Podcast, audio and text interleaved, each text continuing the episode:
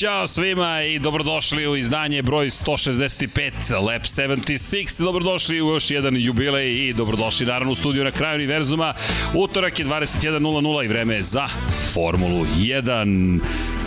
A kada je Formula 1 u pitanju, Promenio si počeo, se, Pajo. Da. Ljudi, da. mi se smejemo, ali Paja nam je dobro, međutim Paja je u karantinu. I sad, par iz... Ma prvo, sve je okej. Okay. Sve je okej. Okay. Dobro je. Pozdravlje imate od Paje, međutim i njega je sustigla Boljka COVID-19 posle dve godine izbjegavanja Paja je uspeo. Zapravo moram da se izvinim pošto je obećanje bilo novim pokroviteljima i svima koji su na Patreonu da će večeras Paja čitati njihovo ime. Mi smo shvatili da jedini način da on to izbegne bio zapravo karantin. Tako da Paja koliko god želeo da kaže da nešto nije u redu zapravo mi mu ne verujemo. Šalimo se. Nije sve okej, okay, ali je on dobro, simptomi su vrlo blagi, mi mu želimo brzo poravak i nadamo se da ćemo ga videti, ako ne sledeće nedelje, za dve nedelje najkasnije, ups, ovo se malo podvilo, ali možda nije propustio 200 i nešto trka Formula 1, ali evo, propustio Lab 76, tako da došao je do 165. izdanja. Ali tu je gospodin Dejan Potkonjak, kao što ste i navikli, kada je reč o Moto Grand Prix, o Formula 1, o svemu, i o, i o kosmosu, i o sportu, i o životu, i o ljubavi, i o muzici, gospodin Dejan Potkonjak, živa enciklopedija, tako da Imamo neke plauzvanja. Nemamo, nema veze. Znam da ti je neprijatno. Dobro, ti nije bilo da, neprijatno. Da, da. Pazi, ali Umešti to. Da. U 165. izdanju mislim da je to sasvim u redu. Naravno, nadam se da ste dobro. Zimski praznici su prošli ili nisu još svi. Imaju, ima još, ima još praznika. Tako da čestitamo Božić svima koji i srećan Božić svima koji slave po julijanskom kalendaru. E, bilo je, bilo je komentara tokom 99 yardi, nisam formalno čestitao. Ljudi, već je prošao, tako da ja vam želim sve najlepše. Imate zaista pozdrav, mir Boži, šta god da je lepa poruka, mi vam je svakako šaljemo iz studija na kraju univerzuma. Zašto? Bitno je da vam želimo najlepše i da jedni drugima želite najlepše i da se mazite i pazite i vodite računa jedni drugima i budete dobro. Šta god da slavite ili ne slavite, u šta god da verujete ili ne verujete, samo da budemo dobri. To je poenta cele priče, ja mislim da je čak i, i to je poenta pa svekolik, svekolikih religija na planeti Zemlji. U svakom slučaju, naša religija u velikoj meri je Formula 1, tako da bilo nje ili ne, mi ćemo pričati o Formuli 1, a Vanja, mogli, smo, mogli bismo i da zalijemo ono cveće u pozadini, pogledaj kako se osušilo, o, ono izgleda kao da ga je tragedija neka pogodila, žeće gledam i pričamo o životu i ljubavi, a cveće je klonulo duhom, ali oporavit ćemo ga, jer studio na kraju univerzuma je takvo mesto prosto. A, nadam se da ste udarili like, udarili subscribe ili join i pročitaću večeras ponovo ja imena svih pokrovitelja, ne, u ovom trenutku trenutku, ali bit će ih.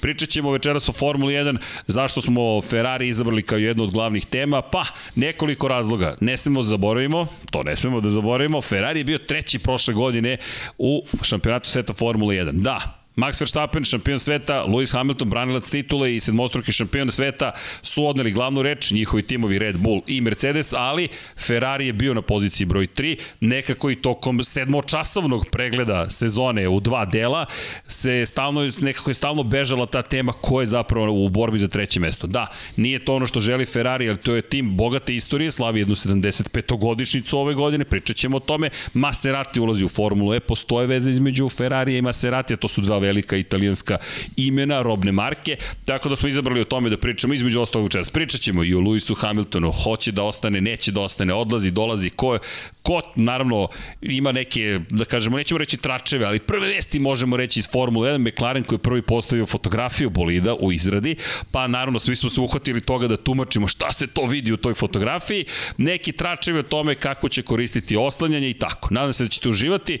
Danas je konačno početak januara, 11. januar, tako da do, se, do početka sezone 60 8 ili 69 dana je ostalo. Pa vi vidite... Neka bude 9. Neka bude 9. Brzo će proći, ali nije 165. To je večerašnje izdanje. U svakom slučaju, da mi polako li sigurno krenemo, Vanja nam je tu, raspoloženje na nivou i mi ćemo vam za uvod, pogotovo ako ste ljubitelj Ferrarija, prirediti 2 minuta i 10 sekundi pa njihovog promotivnog videa zapravo koji su oni predstavili šta je to Ferrari i zašto pričamo o jednom jubileju i kakve to veze ima sada sa Formulom 1. Sve ćete to saznati u Lab 76 broj 165.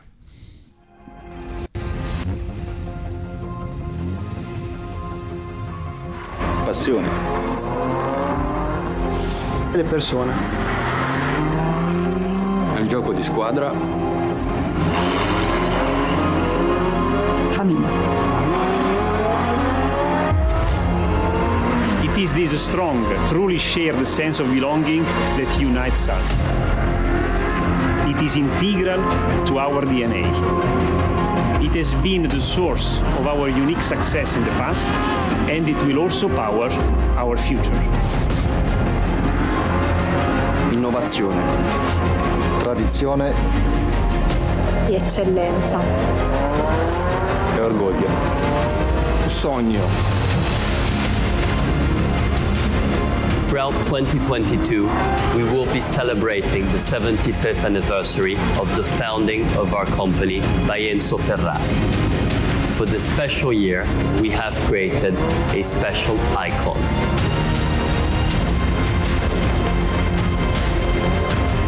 Each piece of the sculpture was forged here in our factory and has been individually placed by my Ferrari colleagues. It is a symbol of the Ferrari spirit, which is shared both here in Maranello and by all our family around the world. It reflects the essence of who we are, our past 75 years and our future. It is a symbol of a company that, as our founder Enzo Ferrari once said, above all, is made of people.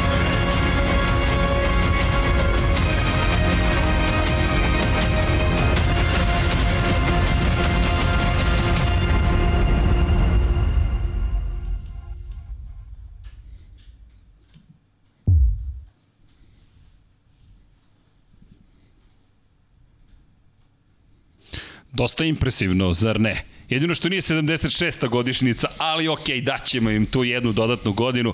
Deki onako... Pa da, umeju da naprave ovaj, ako za nešto treba da im se ovaj, oda priznanje, to je marketing imaju stila, znaju to da, da slože, sad što se tiče rezultata, to sad sve treba da se uklopi.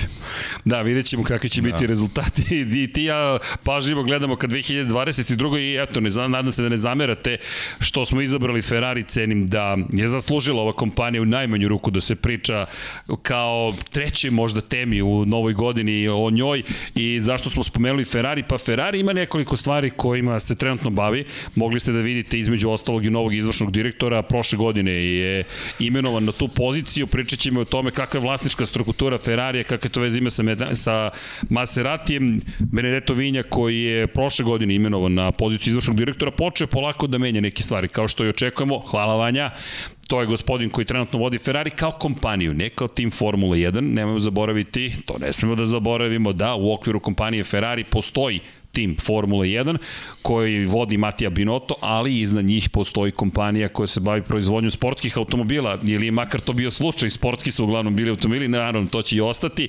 Inače, ne možemo da vam prenesemo te fotografije, ali već se pojavile i prve fotografije špijunske tog novog SUV-a koji priprema Ferrari i zašto se bavimo promenama? Pa, dosta se očekuje od ove godine. Covid je utica u 2020. i 2021. i na industriju automobilsku, krećemo od toga i kada pogledamo, Vinja je postavio Gian Mario Fulgenci, ja, to je inače veteran u Ferrariju, prema onome što prenosi motor1.com, bit će zadužen zapravo za razvoj proizvoda, Ernesto Lasalandra će biti glavni za istraživanje i razvoj, a njemu će se pridružiti, i prinače on se pridružuje kompaniji iz sektora kojem je, kojem je bio Vinja, tako da povlači naše mišljenje je svoje ljude to rade svi izvršni direktori, prosto kada dođu kažu, hej, Prirodno je. Kome verujem? Na koga mogu da se oslonim, za koga znam, nije to pitanje poverenja na nivou e, izdaće me, neće me izdati. Ne, ne, od njega znam šta mogu da očekujem. Tako da nam je to interesantno. Inače, kada govorimo i o podacima, Silvija Gabrieli će biti izvršni zapravo direktor za digital i podatke i ono što je tu sada zanimljivo, to su to sve ljudi koji dolaze iz Microsofta i jeste kako će to uticati na Ferrari u Formuli 1. Ozbiljan program postoji. Inače, prvi električni Ferrari se očekuje ove godine. Hypercar očekujemo, to je hiperautomobil automobil na, na 24 časa Le Mans, jedna velika godina i iz perspektive Formule 1 velika prilika. E sad, ako, ukoliko pratite Krega Skarbora, čuvenog Skarbsa, prema nekim informacijama koje posjeduje čovek koji je sada izvanično saradnik u Formuli 1, Deki navodno će prednji kraj biti dosta agresivniji i drugačiji kod Ferrarija. Ne znamo još uvek svi šta možemo da očekujemo, ali kada sve ovo pogledamo i kada vidimo da je 75. godišnica, ne možemo da se ne osvrnemo malo na 2021. i to kako bi mogla da izgleda ova godina iz perspektive Ferrarija niko se ne zanosi time da je mali korak ka Red Bull ili Mercedesu, ali deki, ako je postojala prilika da Ferrari preokrene svoju sudbinu, ja mislim da ovo najveća prilika koja im se ukazuje, ukazalo u poslednjih 10 godina skoro. Pa da, ako gledamo 21. moramo se setimo završnice 20. i on, onih pogleda ovaj, Carlosa Sainza juniora gde kao da se pitao a gde sam se ja to uputio, šta će to sve da se desi, zašto sam uopšte potpisao.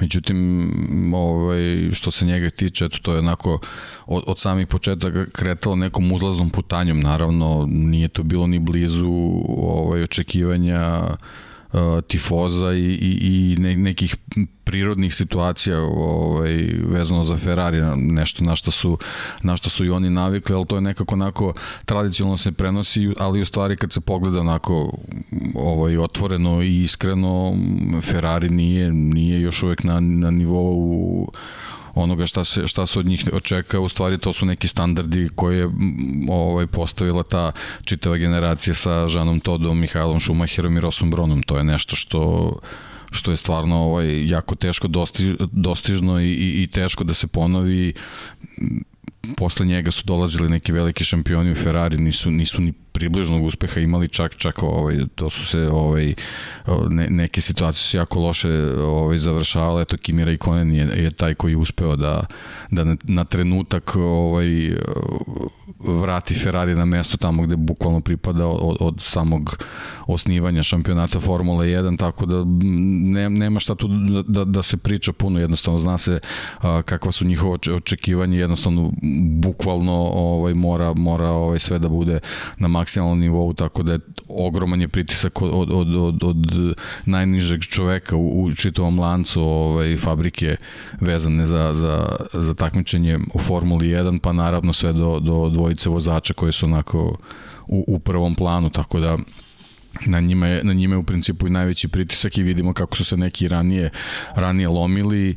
Uh, Sainz i Leclerc prošle godine pokazali su da, da, da, da stvarno mogu da, da budu brzi. Eto u finišu sezone se ovaj i to onako popravilo prilično, bilo je još nekih bljeskova, ali kažem, to je, to je daleko od onoga šta, šta tifozi očekuju, tako da stvarno je pred njima ogroman posao. E sad, sledeće sezone je super prilika zato što tu ulazimo u tu, tu neku novu eru i naravno na, po, po prirodi Ferrari je da, da su oni ti koji će probati da donesu nešto novo, nešto drugačije, a da li će to da bude uspešno u smislu, da li će da bude dovoljno brzo, to u ovom trenutku teško da možemo kažem. Da, ali lep je dobar marketing, kao što si rekao. Apsolutno da, uvek uvek, je bio dobar. Inače moram pohvalim Vanju, Vanja je ovaj efekt dao na kraju, ovaj bum prelaz na, na logotip, to nije bilo u originalnom videu, ali Vanja se potrudio da vam napravi još veći spektakl. Oni koji slušaju na audio platformama mogu samo da vam preporučim da pogledate o čemu to priča Ferrari, to su čuvene reči Enze Ferrarija i kada se vratimo u 1947. kao godinu osnivanja i 125S zapravo model koji je bio prvi model i pravljanje prve fabrike u Maranelu,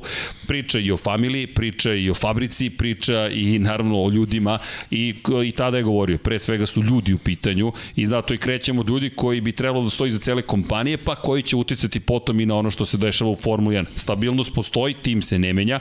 Carlos Sainz, Lando Norris je rekao za Carlosa Sainza da je jedan od najtalentovanijih vozača u Formuli 1.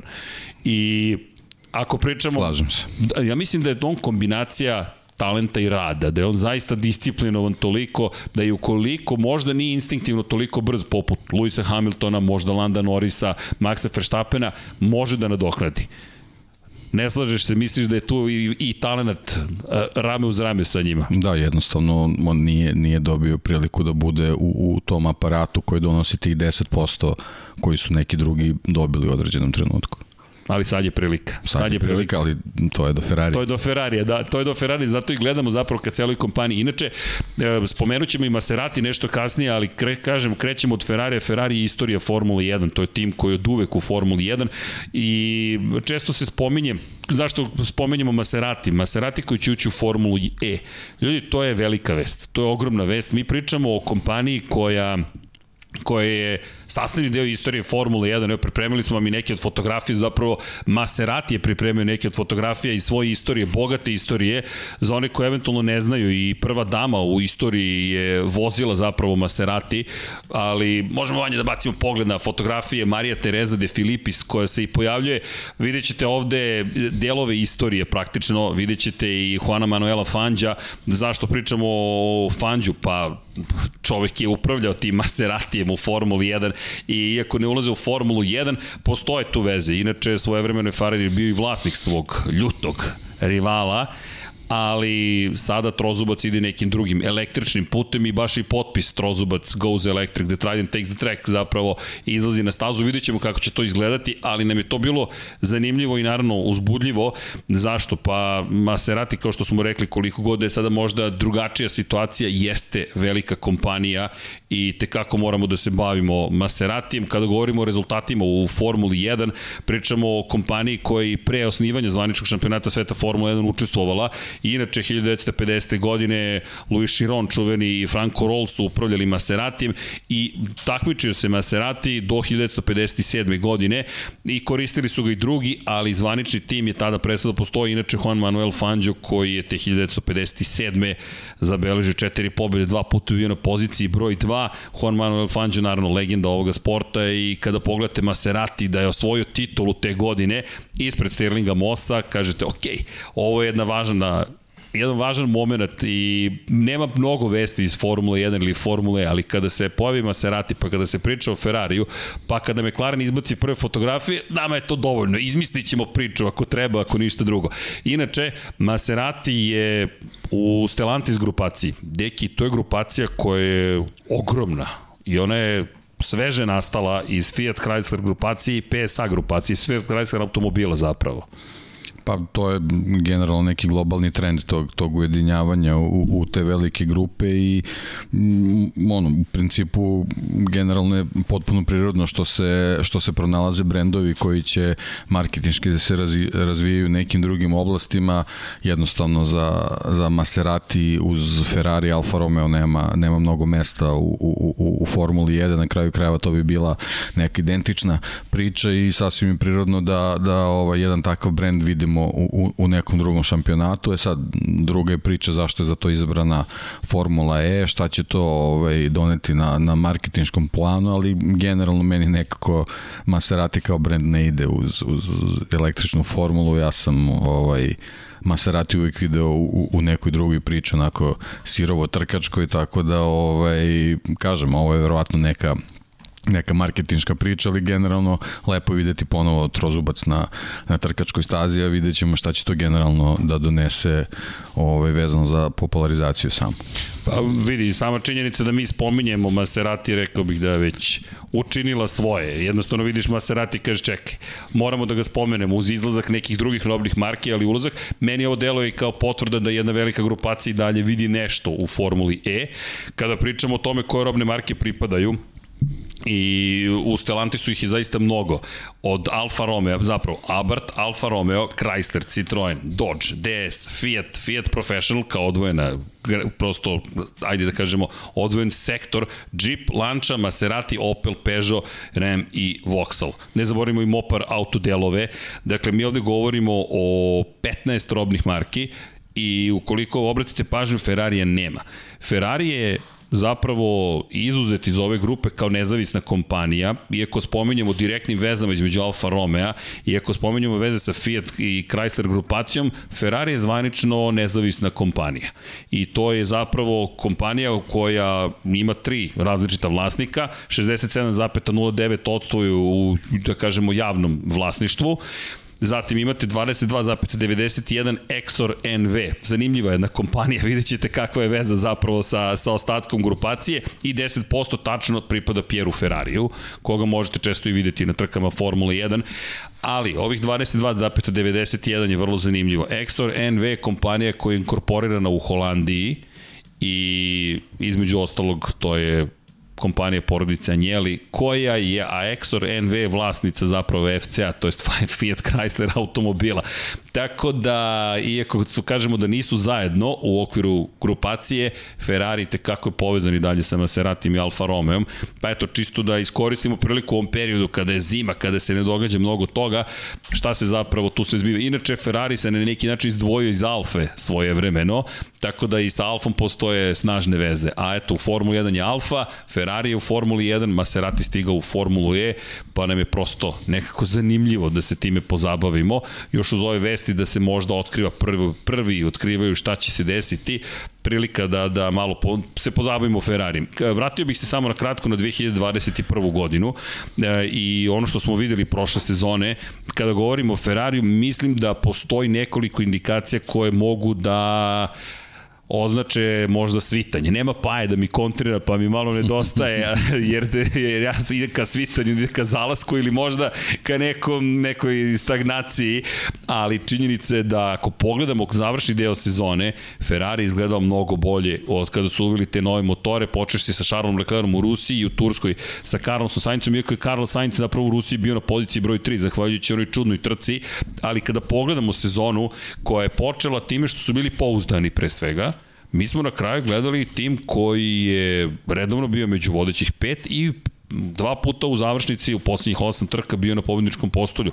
To uopšte nije mala stvar, pri čemu Carlos Sainz čak četiri puta podigao pehar, jedna druga pozicija u Monaku, tri puta na poziciji tri, Charles Leclerc imaju čak šansu da pobedi, posle toga samo jednom se još popeo posle te greške u Monaku na pobedničko postolje, pozicija broj 2 u Velikoj Britaniji, kad je takođe mala šansa postojala da možda i može da se odbrani od Hamiltona i kada sve saberemo, oduzmemo peti u šampionatu Sainz na kraju, Charles Leclerc sedmi. Za mene je to napredak, kao što si rekao, 2020. pogotovo bila problematična, kažnjeni su, ne znamo još uvek pitanje da li ćemo, to jest kada ćemo saznati za šta i kakva je bila kazna, ali to se osetilo i sjajno su se oporavili. Posle onakvog sunovrata da se ti vratiš u igru, da imaš jedan stabilan tim je koliko god da sam kritikao, iako sam ga zaista mnogo kritikao, Matiju Binota, ja bih pohvalio ovoga puta za stabilnost koju je donio ekipi. Mislim da je bio dobar za ovakvu sezonu. E sad, da li će moći sledeći korak da napravi da vidimo? Pa, mm, o, o Ferrariju kad se priča, mora da se priča na drugačiji način od, od svih ostalih ekipa i, i to što si rekao, znaš, ti udarci koji su primili, kako su se vratili, Ferrari je gigant, mislim, jednostavno sve što se dešava u Formuli 1 u velikoj meri e, se dešava tako što se ovaj prate scenarije koje se dešavaju i, i, u, i u samom Ferrariju, tako da ovaj, oni su jednostavno tolika veličina da je potpuno prirodno da oni mogu da, da, da, da podnesu sve, sve te neke udarce i, i, i da, da nastavaju dalje, jednostavno ovaj, Formula 1 bez Ferrarija ne bi bila to što jeste, tako da ovaj, nekako je i njima u, u, u DNK i u, i u nekom instinktu da, da o, nastavljaju dalje, oni, oni su jednostavno ekipa koja ovaj, e, ne zavisi od bilo koga drugog. Jednostavno njihovo, njihovo postojanje u Formuli 1 je e, takvo zato što Ferrari želi da, da, da bude tu i da, i da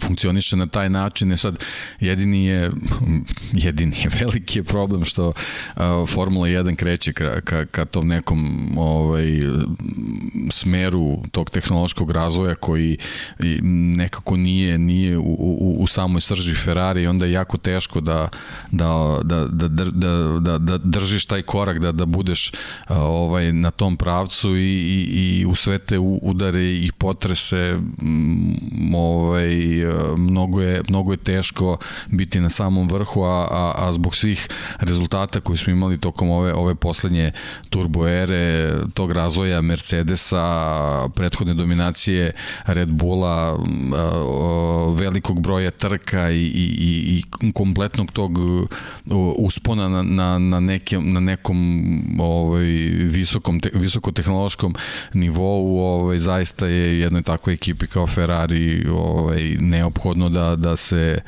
da se uzdigne i vrati, ali to nisu to nisu mali koraci. U ovom trenutku stvarno mora puno puno da se uradi i mm, jednostavno ta, ta promena generacija automobila možda može da, da, da bude ovaj, neka prilika da i oni okrenu list i da, da u ovu, ovu novu eru uđe, uđu na neki, neki drugačiji način. Uh, učeći na svim stvarima, da ne kažem greškama koji su se dešavali u ovom poslednjem segmentu Formule 1, gde ruku na srce nisu igrali neku posebnu ulogu. Da, ova hibridna era nije bila njihova era. Ako pogledamo, na primjer, 2012. spomenut ćemo večeras 2012. i 13. malo se vraćamo kroz istoriju, ali zašto? Zato što imamo neka poređenja sa 2022. ukoliko je verovati najsvežijim tračevima.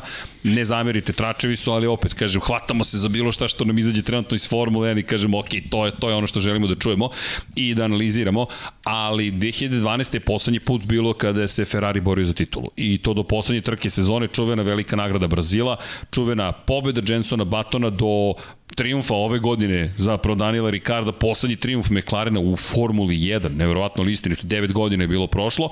S druge strane, moment u kojem Fernando Alonso ima ogromnu priliku da osvoji titulu na polovini godine, dešavaju se razni, razni incidenti, jedan od najvećih svakako sa Romanom Grožanom na velikoj nagradi Belgije, međutim na kraju godine uz spektakularnu vožnju i formu Red Bulla i Sebastina Fetela, tri poena za ostatka na kraju godine. Čak ni incident sa Brunom Senom u toj trci u Brazilu nije uticao na Sebastina Fetela, osvojio titulu i to drugu u tom momentu. Dakle, mi govorimo, ne, treća, oprostite, to je ne, 2010. 11. Da, 12. je bila treća. Četvrtu je osvojio sledeće godine, a Fernando je takođe imao drugu titulu u tom momentu.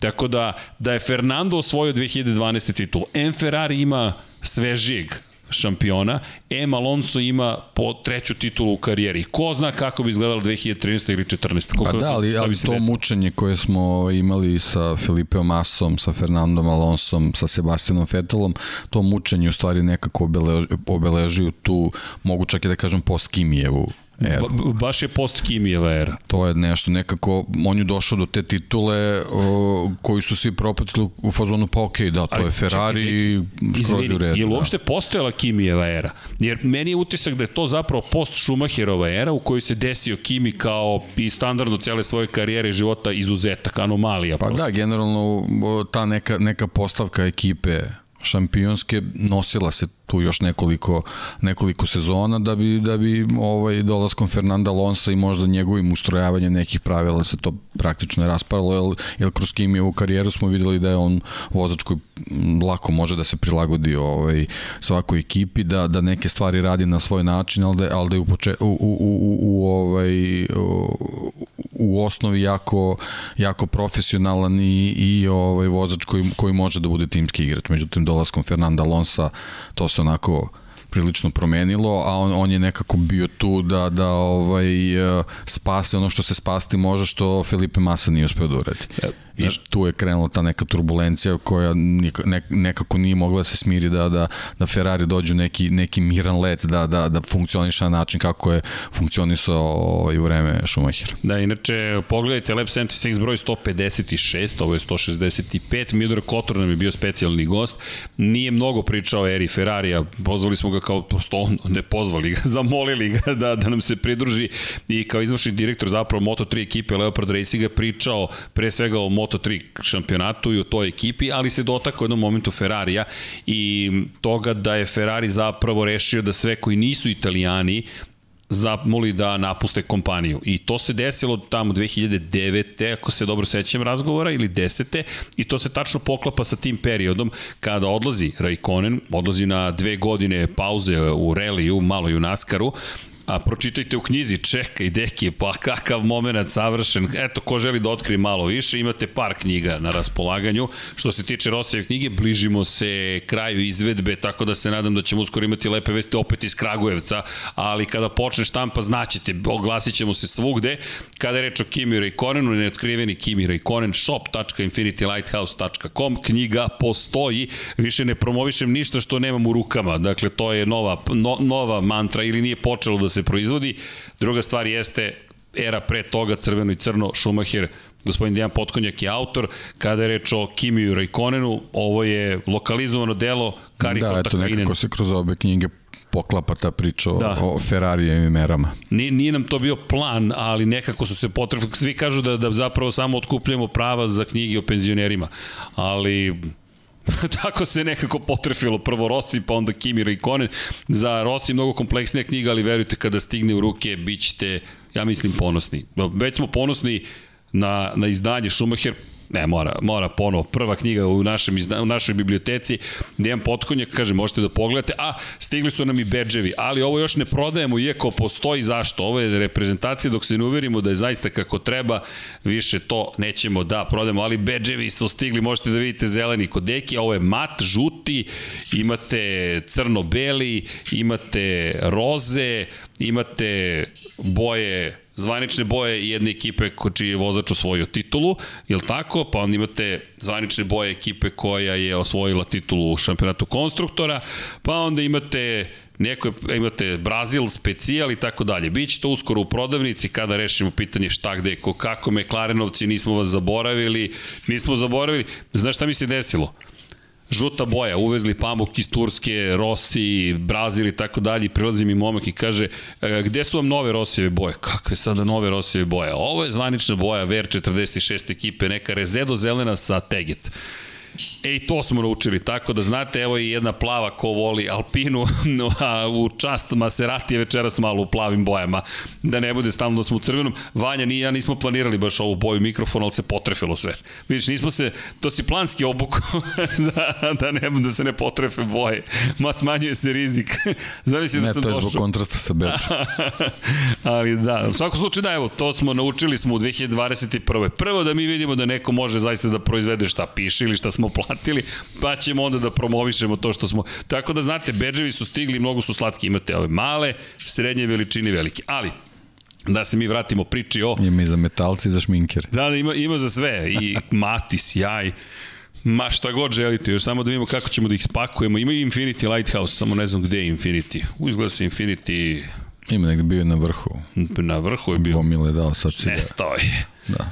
Nema veze, tu je negde Infinity. Da, imamo i novu špicu, pripremamo, svašta nešto radimo. U svakom slučaju, da se mi vratimo na Kotura, Kotor koji je rekao da je Ferrari srušio praktično to što je postavljao Jean Todt, ali evo Jean Todt se vraća, došao je novi izvršni direktor, dolaze novi ljudi, ekipa je stabilna, čekamo informaciju o tome da li će zaista biti agresivni taj prednji kraj ili neće i da li će to biti dovoljno da se nekako Ferrari pokrene. Preko im je potrebno, pazi, 2007. godina je bila godina kada su osvojili poslednju titulu. Deki, sada će 15 godina od Kimijeve titule. Pa tako smo pričali kad je Schumacher došao, isto. Jako je, jako je daleko bio Jody Scheckter, Wow. onda su se i tu dešavale neke situacije, dolazili su isto razni šampioni, ovaj, pokušavali nešto da urade, ali eto, do, do, do Mihajla Šumahera i ono, dok se okreneš, dok, dok dlanom od dlan prođe, prođu neke decenije i onda ovaj, i u Ferrariju shvate da je, da je ovaj vrag odnošalo i onda mora, moraju mnogo veće ulaganje i da se izdešavaju da bi, da bi se nešto radilo. Kažem, sad je došlo neko drugo vreme i nije dovoljno samo imati snažan agregat, dobrog vozača, dobro organizovanu ekipu, očigledno da je tu, da je tu potrebno i, i mnogo više da bi se taj, taj pre svega bolid eh, doveo na neke, neke pobedničke nivoje. Da, zanimljivo je, 15 godina od kada je Schecter osvojio titulu bio 1994. godine. Žana Lezi i Gerhard Berger u tom momentu. Pre njih, inače, imali smo čak i kombinaciju ni manje ni više Alan Prost, Nigel Mansell. Ljudi... Isto, je, isto je bio radikalan prednji deo Jordana Barnarda, a poloautomatski menjač. Prvi u istoriji. Tako je, znači Ferrari je taj koji, koji je stvarno ovaj, pokušao da donese neke inovacije, ne samo zbog toga da bi, da bi bio prvi u nečemu vezano za tehnologiju, već da bi bio prvi na stazi. I, i, i tu su stvarno ogromne, ogromne ovaj, energija i ulaganja su bila da, da, da, da se nešto uradi, međutim ne, nešto se stalno stalno dešavalo šta je sprečavalo ovaj da da ovaj Ferrari uspe da da da ponovi te neke rezultate koje ovaj koje su dobili sa sa Schecterom, ali sad kad si spomenuo ovaj uh, Kimijevu titulu koja je nekako stigla na na na na, na krilima uspeha ovaj, ekipe oko Mihajla Šumahera na, na isti način i ta, taj uspeh Jodija Šektera nekako došao na krilima uh, uspeha ekipe koji su organizovali Luka Di Montecemolo i Niki, Niki Lauda da. sredinom 70-ih tako da ovaj, uh, Ferrari uvek ima snage za, za, za, taj, za, za te neke dodatne trze, međutim kad se dese neke velike promene kao da a, ne uspe u prvom trenutku ovaj, da, da postavi sve na svoje mesto da bi, da bi to moglo da funkcioniše kako treba dovodiš me do teme da malo izmešamo kockice, a to je tema zapravo novih stvari koje očekujemo u 2022. Ako možemo, Vanja, možemo zapravo McLarenovu fotografiju prvo da vidimo. Ljudi, ovo je istorijska fotografija, možda se ne vidi mnogo toga, ali je McLaren je predstavio prvu foto, ovo je prva fotografija nekog bolida ili dela bolida iz 2022. I kada pogledate u celoj ovoj priči kako izgledaju stvari, 2022. nema mnogo toga, ali ako se možemo se prebacimo sad malo na istoriju, da vam pokažemo pa ćemo da vam crtamo, davno nismo imali 2012. Ako možemo se vratimo 10 godina unazad, vidjet ćete jednog vozača iz 2012. godine koji Tako je, vozi i dan danas. Ljudi, Lewis Hamilton, 2012. godina, poslednja godina u kojoj je vozio za ekipu McLarena i sezonu u kojoj možda, ovaj bolid je zapravo možda i bio najkompletniji bolid, ali im nije donio šampionsku titulu, mnogo kvarova, pehova, incidenata, čuveni onoj u Valenciji u kojem smo pričali Pastor Maldonado i U to vreme još uvek prilično agresivan Lewis Hamilton, inače ako se vratite na taj na manevar između ostalog i odbranu pozicije Lewisa Hamiltona, Hamilton je išao celom širinom staze i ostavio je tačno 0 cm sa spoljne strane pastoru Maldonado. Maldonado morao da siđe sa staže, ne bili izbegao kontakt, čisto ako vam zvuči poznato, da znate da svi vozači će učiniti sve što je u njihovoj moći da saštite poziciju i to je bio te početak sezone, tako da mislim da je da su neki neke stvari uvijek bili iste, trkači će biti trkači i to je to. Ali zašto je ovaj moment bitan Vanja? Da li postoji mogućnost da mi nešto nacrtamo na ovoj fotografiji? Ako je ikako moguće. Da, da probamo. Da da li će se pojaviti negde. Opa, dobro, sad znam gde smo. Može undo jedan. Mada ova crvena boja, pitanje koliko će se vidjeti. Ajde da vidim da li se negde vidi. O, sad si ti preuzeo komandu, dobro. Ajde da vidimo. Opa, tu sam, nema veze. Čekaj da vidimo, mnogo sam... Ni... Aha, znam, sad sam shvatio, naopačke sam stavio, čini mi se. Izvinite, ljudi, odavno nismo crtali, ali bih nešto da vam istaknem u celoj ovoj priči. E, idemo još dole. Čekaj, da sam... Ne, ne, nema šanse. Iz nekog čudnog razloga ne mogu da nacrtam. Nema veze. Aha, otišao sam previsoko. Ne zamerite, odavno nismo koristili zabavne momente poput crtanja, ali šta hoću da mi istagne kod ovog McLarena iz 2012. godine, nešto što se priča da će McLaren ponovo da, e, tu Vanja, ako možeš da ostaviš, to bi bilo idealno, da vidimo da li smo uspeli. E, to Vanja, obratite pažnju na ovo ovde. Obratite pažnju na ovaj moment ovde. O čemu pričamo? Push rod, takozvano oslanjanje, i možete ga lako prepoznati upravo po, po ovom elementu u to vreme najsta jedan od najboljih bolida, apsolutno. Razvijena aerodinamika, oslanjanje gotovo savršeno, balans bolida, Mercedesov motor, ozbiljni sponzori, Lewis Hamilton ima jednu titulu, Jenson Button je drugi vozač. To je inače jedina sezona u kojoj je klubski kolega pobedio Lewisa Hamiltona, Jenson Button, šampion sveta iz 2009. Često osporavan vozač, ali pobedio Luisa Hamiltona u istom bolidu. Da, bilo je kvarova na strani garaže Luisa Hamiltona, međutim, ako se dobro sećam, Belgija je bio, je bio moment kada je Lewis Hamilton tweetovao telemetriju, ni manje ni više zvaničnu svoje ekipe, ne bili pokazao razliku između Batona i samog sebe, došli smo do toga da to je bio ozbiljan skandal da je vo, profesionalni vozač Formula 1 šampion sveta u želji da pokaže da nije do njega, tweetuje zapravo telemetriju što svog klubskog kolege što sebe. Bizaran jedan moment, ali svašta se dešavalo u istoriji Formule 1, ali push rod u to vreme, oslanjanje I šta je uradio McLaren sledeće godine, ako možemo bacimo pogled na sledeću fotografiju, ne znam da ćeš uspeti da obrišeš, ali nadam se da hoćeš. ako ne, imamo crveniš, nema veze po, po fotografijama. Pa dobro, zima je i mi malo vežbamo, ali na sledećoj fotografiji ćete vidjeti sada jednu dosta veliku razliku. Ovo je inače Sergio Perez, koji... Kako? A, misliš odatle da krenemo? Ajde da vi... Opa, Vanja, vraćamo se u igru. Evo ga, ovo je ovdje deo, obratite pažnju. E, opa, nisam baš najbolji. Može jedan undo, molim te, napravih infinity. Ali, šta mi imamo ovde? Imamo ovaj krak. Dakle, ovde je osnova, u, kada govorimo o bolidu, ovde se kači na točak. I o čemu pričamo? Pričamo o nečemu što je Ferrari među, između ostalog uveo ponovo u Formulu 1. To se viđalo i u nekim danim godinama Formule 1. Ferrari je to uveo i ispratio ga je McLaren. Jedan od najgorih bolida u završnoj fazi atmosferskih motora, ere atmosferskih motora je bio ovaj bolid koji gledate. Sergio Perez u to vreme dobio prvu veliku priliku da zameni Luisa Hamiltona. Toliko su verovali već tada u njega posle sjajnih epizoda u Zauberu, druge pozicije u Malezi 2012. Međutim, šta se desilo u McLarenu? Sunovrat. Kao što smo rekli, od 2012. ovi bolidi nisu došli do pobede sve do ove godine, a boje su dosta drugačije u odnosu na ono što gledamo u 2021. 20. 19. i 2022. naranđasta boja Brusa McLarena se vratila, to je, to je zapravo, ti imaš McLarenove boje, Ali zašto ovo ističemo?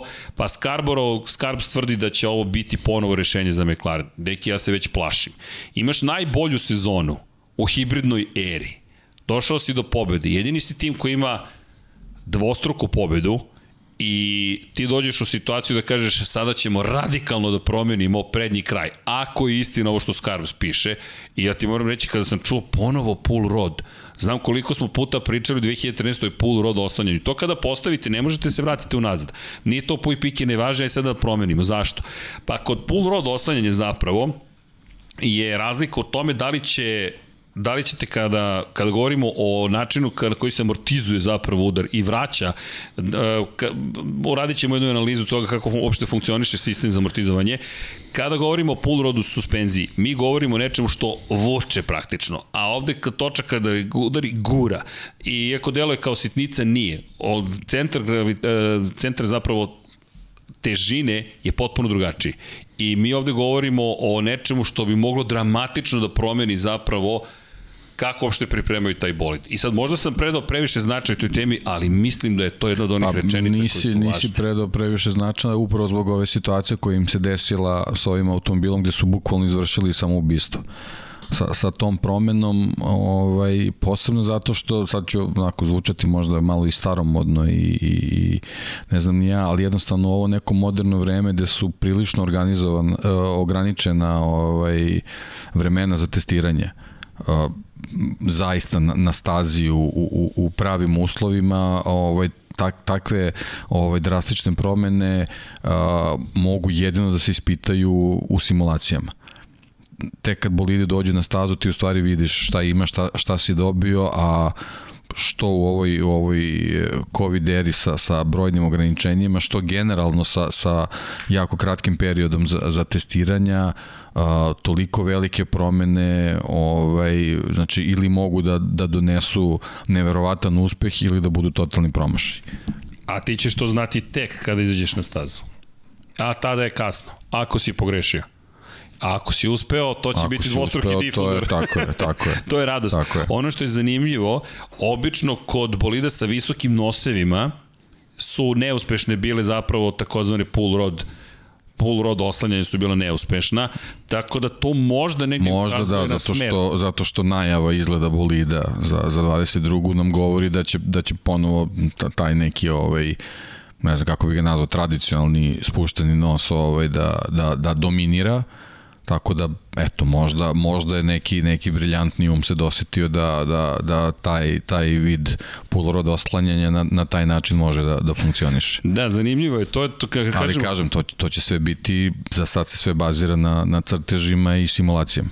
A, ono što je povuklo McLaren 2013. ka tome jeste uspeh zapravo Ferrari u 2012. Ali kada se pogledate 2012. mislim da to nije bilo do Ferrarija koliko do Fernanda Alonsa, kao i do spleta nevjerojatnih okolnosti sa Pirelijevim gumama. Te godine u sedam prvih trka, sedam različitih pobednika. Tek u Valenciji, koja je bila osma trka sezone, smo videli dvostrukog pobednika prvog te sezone bio je Fernando Alonso. I tada se pokvario Red Bull Sebastiana Fetela i ne znam, preko 25 pojena prednosti je imao Fernando Alonso. Da, a i sad eto imamo situaciju, ne dobijamo novog proizvođača pneumatika, ali, ali dobijamo i neku novu generaciju tih guma, tako da Koliko stvari se koliko, menja. koliko će sad biti u, u tim ovaj, smešama drugačije, to, to ostaje da vidimo, ali generalno dobijamo potpuno novi profil koji ovaj, i potpuno drugačiji od generacije generacije generacije guma koje smo imali u, u Formuli 1. Mnogo je promenjivih. Kada, kada pitate ljudi da li znamo šta će da se nemamo predstav zaista da. iz svih ovih mogućih razloga. A generalno što se tiče pravih testiranja na, na, na, na stazi, na asfaltu će biti jako malo.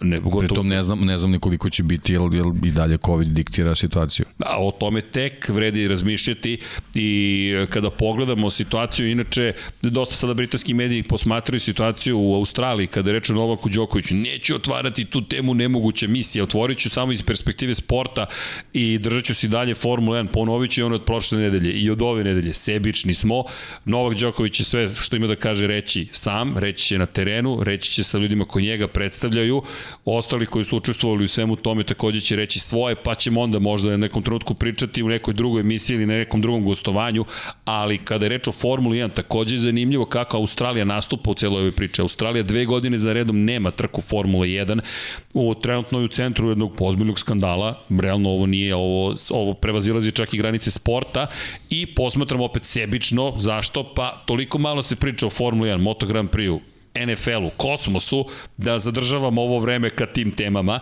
ali poenta jeste upravo u tome da posmatramo, no opet se nisu, blago rečeno nisu snašli, dakle govorimo o državi koja je fijasko imala i sa Formulom 1 pre dve godine, to se sada već zaboravlja, ali mi smo tada u petak ujutro došli u situaciju da organizatori kažu, e, ljudi, ipak neće biti trke. Dakle, i da povlačim to državi, govorimo o državi u kojoj se desio još jedan sportski događaj, ne svodimo ovo na državu, svakako nikada na nacije, dakle, verujem u pojedince, na nacionalne momente, ne hvala.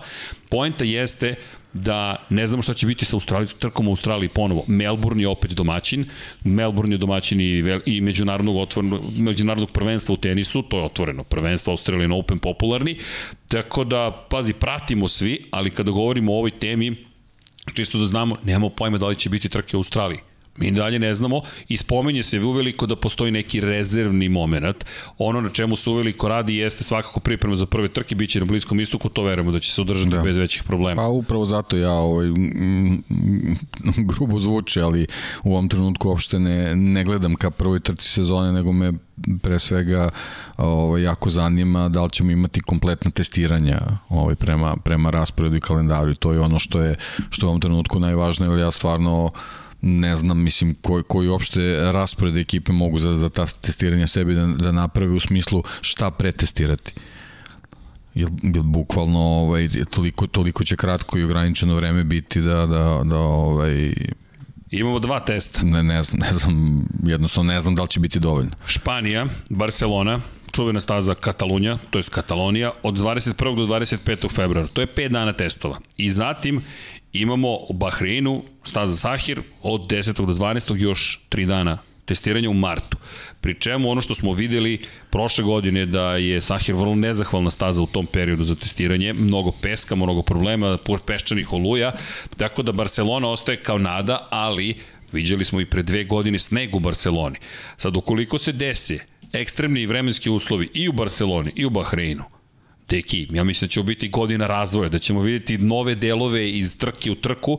Da, inače još jedan novitet je uveden. Ove godine će timovi morati da prezentuju nove delove koji su doneli na stazu publici. Tako da ukoliko se nađete na stazi imaćete možda mogućnost da vidite izdvojene nove delove koje su timovi doneli potpuno ludilo. Dakle, spektakl se, jel te, multiplikuje, malo i plastično, ali timovi će bukvalno morati da kažu ovo su novi delovi koje smo mi doneli za ovu trku i da ih izlože. Pa ja ću opet da, da odem, odem u prošlost. da, da ovaj, da podsjetim da, da smo mi imali, da kažemo tradicionalno, to je još bilo 90-ih i možda i 80-ih godina, da prve tri trke sezone se bukvalno ne važe. To su bile trke koje su se vozile van Evrope i pored svih neograničenih testiranja koje su ekipe imale, dešavalo se da na prve tri trke sezone dolaze sa izmenjenim verzijama prošlogodišnjih bolida na kojima su testirali u realnim situacijama ovaj, delove za novi, da bi tek tamo negde od, ajde, treće, četvrte trke ovaj, sezone uh, ekipe izlazile sa bolidima sa, sa kojima računaju za, za, za novu sezonu, a često se dešavalo da se u pola sezone prave nove verzije bolide. Dva re... sa neograničenim testiranjem. E, sada dolazimo do ograničenog budžeta. Da. Imamo budget capping, dakle 145 miliona dolara je bio prošle godine, ove je 140 miliona i ti sad imaš sezonu u kojoj Ovo se vraćam ponovo na McLaren. Uvodiš novu vrstu oslanjanja koju nisi koristio 9 godina. Zatim imaš nove gume, to jest imaš niskoprofilne gume koje su inače većeg obima, obima, oprostite, većeg pre, dužeg prečnika u odnosu na ove do sada korišćene, da ne kažem više su gume. Imate mnogo manje samog pneumatika kao amortizujućeg materijala, imamo potpuno novu aerodinamiku, imamo dva testa koje su u rizičnim zonama po pitanju vremenskih uslova, prve tri trke, rekao si, nisu obično bile u Evrope. Prva trka sezone Bahrein, 20. mart, druga trka sezone, izvinjam se, namestio sam da mislim stalno gasi računar, Saudijska Arabija, 27. mart i velika nagrada Australije planirana za 10. april prva trka na evropskom tlu, četvrta po redu, velika nagrada Emilije Romanje i Mola. 24. Pa obično je tako bilo. I Mola je obično tako bilo, da. Sve se, po, sve da. se poklapa, bukvalno. E, ono što je veliko iznenađenje ove godine, nije iznenađenje, znali smo će desiti, jeste peta trka, odlazak u Sjedinjene američke države, ne zaboravite, Miami je peta trka sezone. Ja, deki, ne smijem ni da zamislim kako izgleda taj razvoj i šef logistike Ferrari je bio Emio Drakotor. Zamisli glavobolju koji imaju šefovi logistike. Ideš u Bahrein, ideš u Saudijsku Arabiju, pa onda ideš u Australiju, pa se onda vraćaš u Evropu, pa onda letiš u Ameriku. A umeđu vremenu moraš da razvijaš nove delovi, da osiguraš da svi ti delovi stignu uprkos COVID-u na svoje mesto. I da mesto. se nadaš da, da će taj početni deo sezone proći bez većih karambola, zato što jednostavno nisi, nisi proizveo nisi ni delove. proizveo delove za koji si siguran da će ti trebati. ne znaš koji Jer ne znaš u stvari šta će ti trebati uopšte. A sezona će trajati do kićenja jelke 2022. Od, od prilike. Tako da da, do, hvala ti, dobio sam potrud, nisam ipak previše vremena odvojio na McLaren, ali zaista jedna rečenica, šok je, šokantna je bila. Deki, ja smo pričali, a šta ćemo da pričamo danas, pogotovo što obično je tu Paja, pa nas trojice nekako lakše, svako dođe sa nekim informacijama, međutim Paja je nestao negde u akciji, i dok se ne vrati tu smo. Ekipa je naravno tu, tako da nam se da ćete užiti. Udrite like za ekipu koja ne spava. Tu je Vanja, tu je Ivan Toškov, gospodin sa Patreona, pozdrav za gospodina Toškova. Kada smo kod Patreona, da li je moment Vanja Udri. da pročitamo imena ljudi koji nas... E, samo pobeže mi, htjedoh nešto da kažem, ali, ali sada hajde sačekat ću sledeću nedelju da, da pokažemo još neke novitete. Ima još noviteta u našem malom, dragom studiju, koje je velikog srca, ali da pročitamo imena. Pa da kažemo kome, kome se sve zahvaljujemo. Hoćemo da okrenemo malo redosled. Daš drugu sliku, sliku prvo. Pa da, da ipak krenemo datle. Luka Savović, Andrej Bože, znaš da se navikao toliko da mi izbunjujuće kada ne čitam redosledom. Dakle, Luka Savović, hvala vam ljudi, inače ko hoće, patreon.com kroz Infinity Lighthouse, opisat ću vam i neke od promjena koje ćemo uvesti ove godine kod, kada reč o Patreonu, malo i mi učimo kako stvari možda mogu još lepše da funkcionišu. Inače, ko je na Patreonu dobio je danas preview jednog videa, malo iza scena, ko, se, ko je kliknuo join na YouTube-u takođe, pa eto, malo da nagradimo ljudi na taj način. Ne brinite, onaj glavni sadržaj nećemo nikada izostaviti od svih vas, tako da uvek će biti tu dostupan.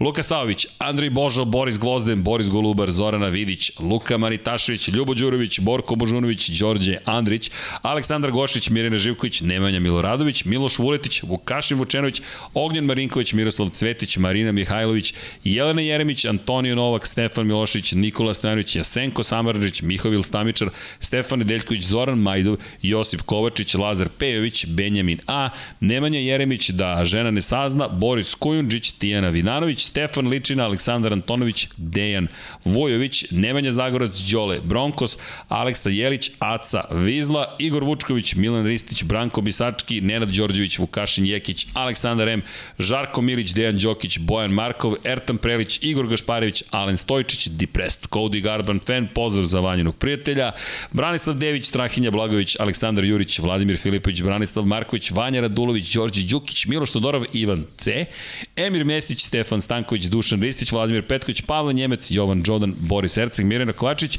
Katarina, pozdrav za Katarinu, Sava, Toni Ruščić, Mario Vidović, Ivan Toškov, ovo mi je već poznato nekako. Stefan Dulić, Marko Bogovac, Ozren Prpić, Marko Mostarac, Nikola Grujičić, Aleksa Vučaj, Zoltan Bezej, Zoran Šalamun, Miloš Banduka, Laslo Boroš, Đorđe Radojević, Ivan Simonović, Mihajlo Krgović, Nenad Divić, gledam da li mi meriš ponovo vreme, vidim da danas ne, Nikola Božinović, Monika Erceg, Omer Kovačević, Filip Banovački, Miroslav Vučinić, Predrag Simić, Žorž, Stefan Vidić, Mlađan Antić, inače u dve minute stanemo, dakle kraće od kruga praktično u, na primjer, Maleziju, Moto Grand Prix, plus 19 tajnih pokrovitelja, pa Jelena Mak, Mladen Krstić, Marko Ćurčić, Milan Nešković, Ivan Maksimović, Bojan Mijatović, Petar Relić, Stefan Prijović i Nenad Simić. Nestali su nam H i ja. da, da, shvatio sam. Ovo je naš dis, disleksični dizajner. Ali dobro, svi dizajneri imaju disleksiju, to je sasvim, sasvim normalno. Ja, znaš šta bismo mogli Vanja da pokažemo? Iako nije za Formulu 1 da pokažemo koja majica stiže. Ja smijem to da najavim? To znamo da možemo da proizvedemo. Ili ne? Deki, Pa ne znam, ne znam ne, šta bi te... to je odgovor, ne, dobro. To je bio Ne mali znam, teaser. sad poču- pokušao si izvučeš, pošto Dom Pablo nije, Nije ovde, tu, pa... pa... Pablo nije tu večeras, pa se koristim priliku zapravo da malo divljam, ali dobro. Da, u svakom slučaju, eto, hvala vam. Ne, čekaj, čekaj, Vanja, moram kažem hvala. Znam da se često zahvaljujem, ali osjećam potrebu. Zašto? Toliko je nekako postalo, zašto se zahvaljujete? Pa ljudi, toliko smo prestali svi da se zahvaljujemo, odavde vam šaljemo jedno veliko hvala za sve, bukvalno, za podršku, za sve kupljenu majicu. E, inače, kačke, kačketi su stigli, pa čekaj, to smem da promovišem. Kačket ne, pa ljudi stigli nam kačketi. Čitavih 100 komada je proizvedeno, tako da ko želi kačket, i ljudi stvarno su dobri kačketi, nije što su naši, pa sad hvalimo svog, svog kačketa, ali stigli su kačketi, toliko smo bili nesigurni da li će zaista stići, da čak nismo nigde ni reklamirali. Ali evo prilike da malo reklamiramo sami sebe. Pa ko želi kačket, evo ga, čekajte da stavimo, opa, tu je, Evo, izvolite. Kačket, serijska proizvodnja, čak ni nije unikat ili prototip, kao što možete vidjeti, na štitu s unutrašnje strane CD Lab 76, Infinity Lighthouse, konac u tri dimenzije, dakle potrudili smo se da to zaista bude reljef, Infinity Lighthouse je takođe tu, metalna kopča, crno s belim i beli sandvič, najprofesionalnije što smo mogli, je da smo ih čekali šest meseci, mislim da nas nisu baš ozbiljno shvatili, ali ovo je čak i bolje od prototipa, ovo je ovde učvršćeno, tako da ovo izgleda super. I eto, ko želi, može da nas podrži na taj način. A eto, čekamo da, da, da se sretnemo negde sa još nekim ko ima kačket u gradu. Tu je Kimi, tu je Deki, Dekijeva knjiga i tako dalje i tako dalje. A da se mi vratimo Formuli 1, da se mi vratimo Ferrariju zapravo. Zašto Ferrariju? Pa stiže još vesti iz Ferrarija. McLaren, dakle, moram priznati da me malo zabrinuo, ali eto, držim im palčeve da znaju šta čine. Marcus Armstrong više nije član vozačke akademije Ferrarija Tako da polako, ali sigurno se tu menjaju stvari. Callum Aylut, inače čovek koji je otišao u IndyCar, za one koji se eventualno pitaju šta je bilo sa Callumom Aylutom i gde ide Callum Aylot, odlazi u Sjedinjene američke države, da li je to kraj šansi da Aylot uđe u Formulu 1, ne znam, ali znate kako se kaže, daleko od očiju, daleko od srca.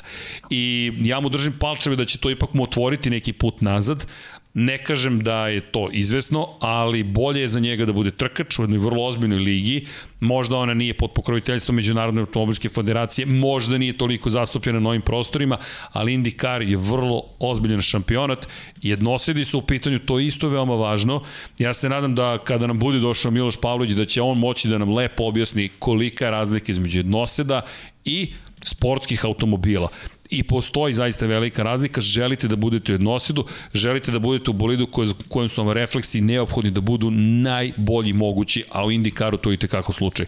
Videli smo da je Roman Grožano živeo svoju karijeru u suprotnom smeru, iz formula i penzije. U, čekaj, možda da kupim autobiografiju Romana Grožana.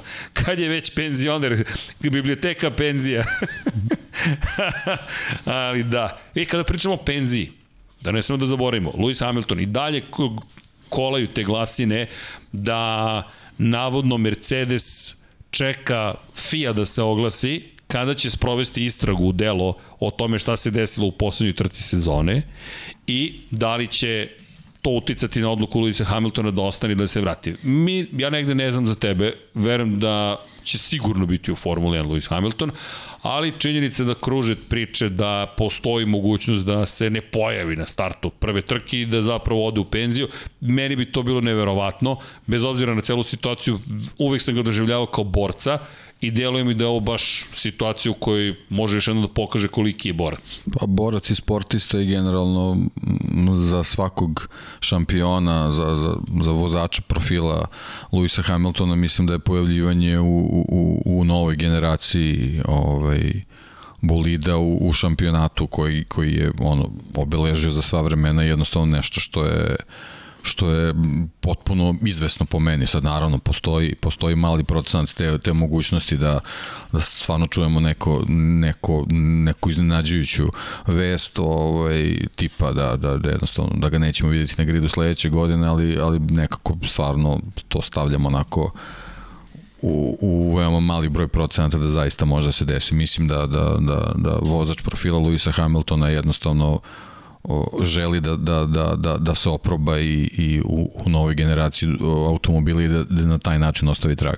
Pa to je deo istorije i to je deo istorije započeti ovu novu eru još sa Mercedesom, videli smo 2012. na trenutak smo se podsjetili tada je pa, on... Generalno to je novi izazov. Jednostavno pa da. on je, on je do, do, do, do pre samo nekoliko nedelja imao izazov da jednostavno obeleži svoju potpunu dominaciju uh, u jednoj generaciji ovaj automobila, sad stiže neka nova i ovo je, ovo je neki novi izazov za njega, mislim, naravno teško je sad zaboraviti šta se dešavalo ovaj, nedavno, ali ovo je neki novi izazov za njega koji, koji mu omogućava da, da, da se dodatno upiše u, u ta anala, tako da mislim da, da sa te strane motivacija kod Luisa Hamiltona apsolutno ne treba da, da bude upitna stvar. E sad, kažem, treba ostaviti eto, tu, tu, tu neku malu, malu vjerojatnoću da stvarno može se desi po meni neverovatna stvar. Ja iskreno mislim da, da ćemo ga zaista videti, tako da ne pridajem mnogo značaja, ali da ne izignorišemo potencijalnu vest koja bi mogla da bude bombastičnija, sve mnogo bombastičnija od penzije Nika Rosberga. Da. Od bilo čega, da, bukvalno. Da. To bi bio to bi bio tektonski udar na Formula 1. Bukvalno. Lewis Hamilton da ne nastavi svoju karijeru u Formuli 1 ili da generalno kaže odustajemo od trkanja, to bi baš bio veliki šok. A mislim da ga čeka još mnogo toga. Što u Formuli 1, što možda u nekim drugim takmičenjima, jer mislim da će ga privući 24 časa Lemana. Verujem da i za čoveka takvog kalibra, vozača takvog kalibra, ta trka može biti više nego privlačna ne toliko Dakar, mada spomenut ćemo malo i šta se zbiva na Dakaru, mada je tamo zvezda Danilo Petrući, to ćete sutra da slušate, verovatno ponovo Dakaru, preoteo čovek celu, ce, ce, ceo reli, mada sa Dakara se javljaju, direktor Dakara je rekao da bi volio da se Fernando Alonso vrati na Dakar ukoliko se ukaže prilika, ali Alonso ima neka preča posla. No, da se vratimo i na buduće nade, ja sam napravio digresiju, ali ne zamerite, Armstrong koji smo rekli više nije u programu Ferrarija, Ailot koji je na pauzi, preskače jednu godinu, Schumacher, Schwarzman ostaju u programu, Mick Schumacher naravno u Formuli 1, Schwarzman je u Schwarzman zapravo je bio prošle godine vice šampion i ove godine ne ostaje u Formuli 2, Ferrari čak nikoga neće imati u Formuli 2 ove sezone, to je zanimljivo. Iako Artur Leclerc ostaje u Formuli 3 sa Premom, Dino Beganović ostaje u Formuli, regionalnoj Formuli. Zanimljiv je skok zapravo, Oliver Berman je preskočio regionalnu formulu, i ono što je zanimljivo jeste da je to novi potpis koji je stavila Akademija, to je britanski vozač, tako da FDA Ferrari Driver Academy radi svoj posao, inače bio je toliko uspešan u Formuli 4 prošle godine da su rekli da je preskače regionalnu formulu i odmah ide u Formulu 3. A u Formulu 3, kao što smo u regionalnoj, ostaje Dino Beganović. Navijamo i dalje za Dina, pa eto, držimo palče. Nadam se da će mogu ga videti u studiju. Ako ne uspemo, pa ostaće nam Zoom kao jedina opcija. A Ima tu još par stvari, James Wharton, Maja Weg i Rafael Kamara će se trkati u četvorci, ali da se vratimo mi četvorci, čekamo vesti od Filipa Jenića, čekamo da vidimo gde će biti u 2022. Filip inače trenutno u Valenciji, toliko možemo da vam kažemo, trenira, sprema se za šta? Neće ni on da kaže, nećemo ni mi reći dok ne saznamo pouzdano šta se zbiva, ali Tako eto držimo palče. Pa da, tako i treba, to je najprofesionalnije moguće. Ali u svakom slučaju Filip se sprema, ko nije pogledao specijal sa Filipom, topla preporuka, svi su u pripremi nove sezone, deki zahuktavaju se polako ali sigurno stvari. Pa da, sezone su dugačke stvarno bukvalno nema vremena za, za odmaranje, jednostavno mora, mora da se ostane u formi i ono, januar je postao mesec jednostavno gde čim prođu praznici rukavi moraju se zasuču i da, da, da se počne što sa fizičkim pripremama, što sa menadžersko-organizacionim, marketinškim, sve- mora da se završi bukvalno do kraja januara da bi već u februaru ovaj, punom parom se kretalo u projekte. Tako da bukvalno Već je ne, nema počelo. pauze, da. Znači, Već je počelo. Od, od, sredine, Pa od sredine decembra, eventualno do sredine januara, to je tih nekih mesec dana pauze, ovo sve ostalo već počinje ovaj, da, da, da, da bude ono posao punom paru i da se čeka eventualno letnja pauza, to su bukvalno eto dva perioda ovaj, gde može malo se odmori. Da, i da napomenemo kada smo spomenuli na početku emisije jednu damu, iskoristio bih priliku samo, prošto smo pričali o Maseratiju, Maserati koji je na početku istorije Formule 1 igrao važnu ulogu, Fangio svoju titulu s Maseratijem. Ljudi, to je bukvalno toliko velik tim bio. Maserati se nije šalio, niko se tada nije šalio u Formuli 1. Nije da se sada šale, ali ti proizvođači nekako su vremenom nestali iz okvira Formule 1, Ferrari jedini je ostao, ali Marija Teresa de Filipis, koja je vozila za Maserati, nije osvojila niti jedan jedini poen, jedina trka u kojoj je završila je bila Belgija kada je bila deseta, ali bih je spomenuo zašto, pa najnovije vesti su, po- povećava se broj dama koji voze. Maja Veug, koju smo spomenuli, je prva dama koja je potpisala ugovor sa, sa Ferrarijom vozačkom akademijom i pratimo šta će biti, šta će postići. Ono što je zanimljivo... Da, nije, nije neke posebne rezultate imala do sada, ali eto generalno ovaj, taj neki trend eh, devojaka u, u, u generalno šampionatima i, i obrazovanje šampionata samo, samo za njih ovaj, je eto nek, nekako smer koji onako je generalno pozitivan, ovaj, nije, nije obavezno da moraju da budu ekstra, ekstra talenti ovaj u pitanju, ali eto lepo je, lepo je videti da, da dobijaju priliku eto da, da, da pokažu šta mogu, u stvari pre svega da, da, da nauče nešto. Pazi, to je sedam momaka i dve devojke koje se nalaze u akademiji. Mi govorimo devet ljudi na planeti Zemlji koji je u Ferrarijevoj trkačkoj akademiji.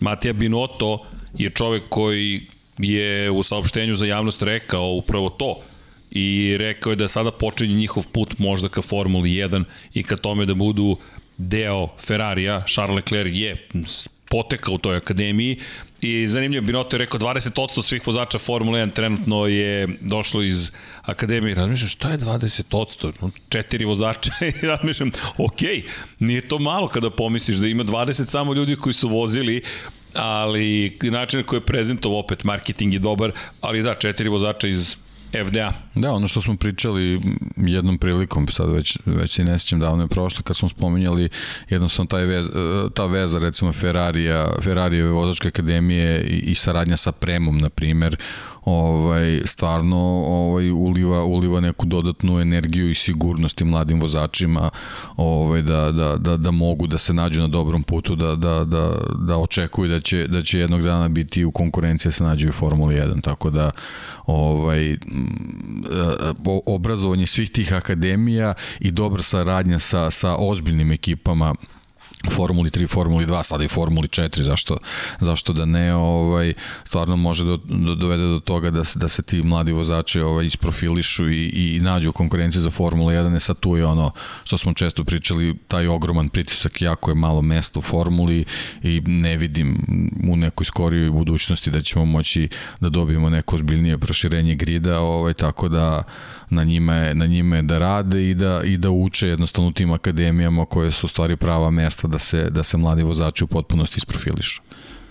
Dobro, držimo im palčeve, svakako pratit ćemo. Naravno, Želimo naravno. i da popričamo Ne sa samo Dinom. Ferrarija, vozačka akademija, nego već sve, sve te akademije koje postoje. Williams, Alpina, Ima ih dosta, Ima, zaista. ima, Red da. Bull ima svoju. Da, da. I pa kada pogledaš zapravo njihovo širenje ka nižim kategorijama, sada je to vrlo, možemo reći, mm, pa možda proizvodni proces praktično postavljen. Ti imaš pokretnu traku koja te vozi ka Formuli 1. Da. Pa kažem, to nekako ispani više mač sa levo, dve oštrice. Nije, nije dovoljno obučeš taj, taj recimo crveni kombinezon Ferrarijeve akademije i misliš da je ovaj, sve gotovo. U stvari tu tek počinje jedan ozbiljan težak put koji u stvari samo eto malo, malo donekle olakšan time što si, što si pod okriljem jednog takvog velikog brenda. A opet sa druge strane i to može za nekoga da bude i veliki pritisak ili nisu svi isti i onda taj neki dodatni fokus nekog može da sputa jednostavno da, da, da mu ne omogući da, da, da pruži sve, sve što može.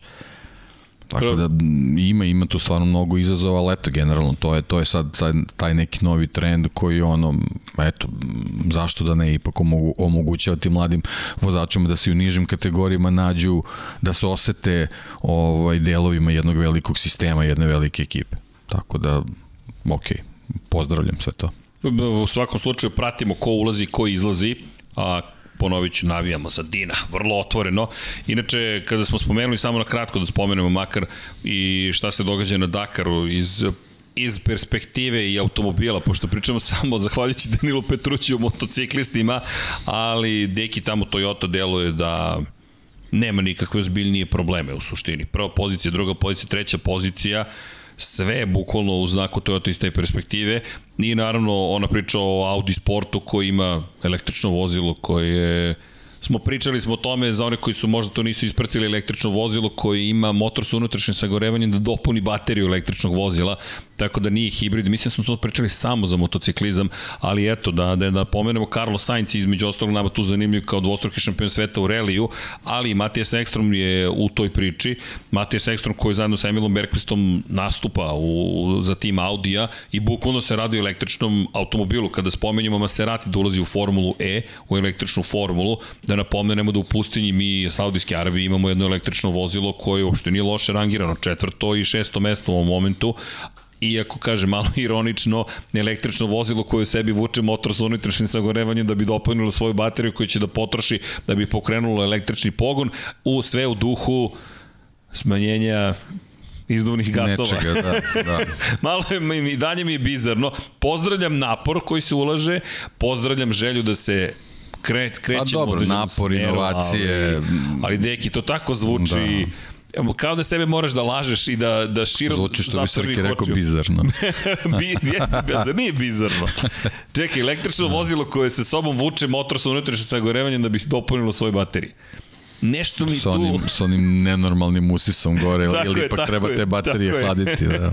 da, bukvalno u pustinji, da. ali dobro, to verujem da će biti vrlo vrlo pozitivno iskustvo iz perspektive prikupljanja podataka. Naravno, to je, mislim, jesu to trke, ali, ali trke su stvari poligon za, za istraživanje tih nekih novih, novih sistema koje ćemo kasnije videti ako su uspešni u, u serijskim automobilima, tako da vidjet ćemo šta to dovede. Možda baš to, taj uspeh dovede do toga da se baš ne oprostimo tako lako od, od sus motora.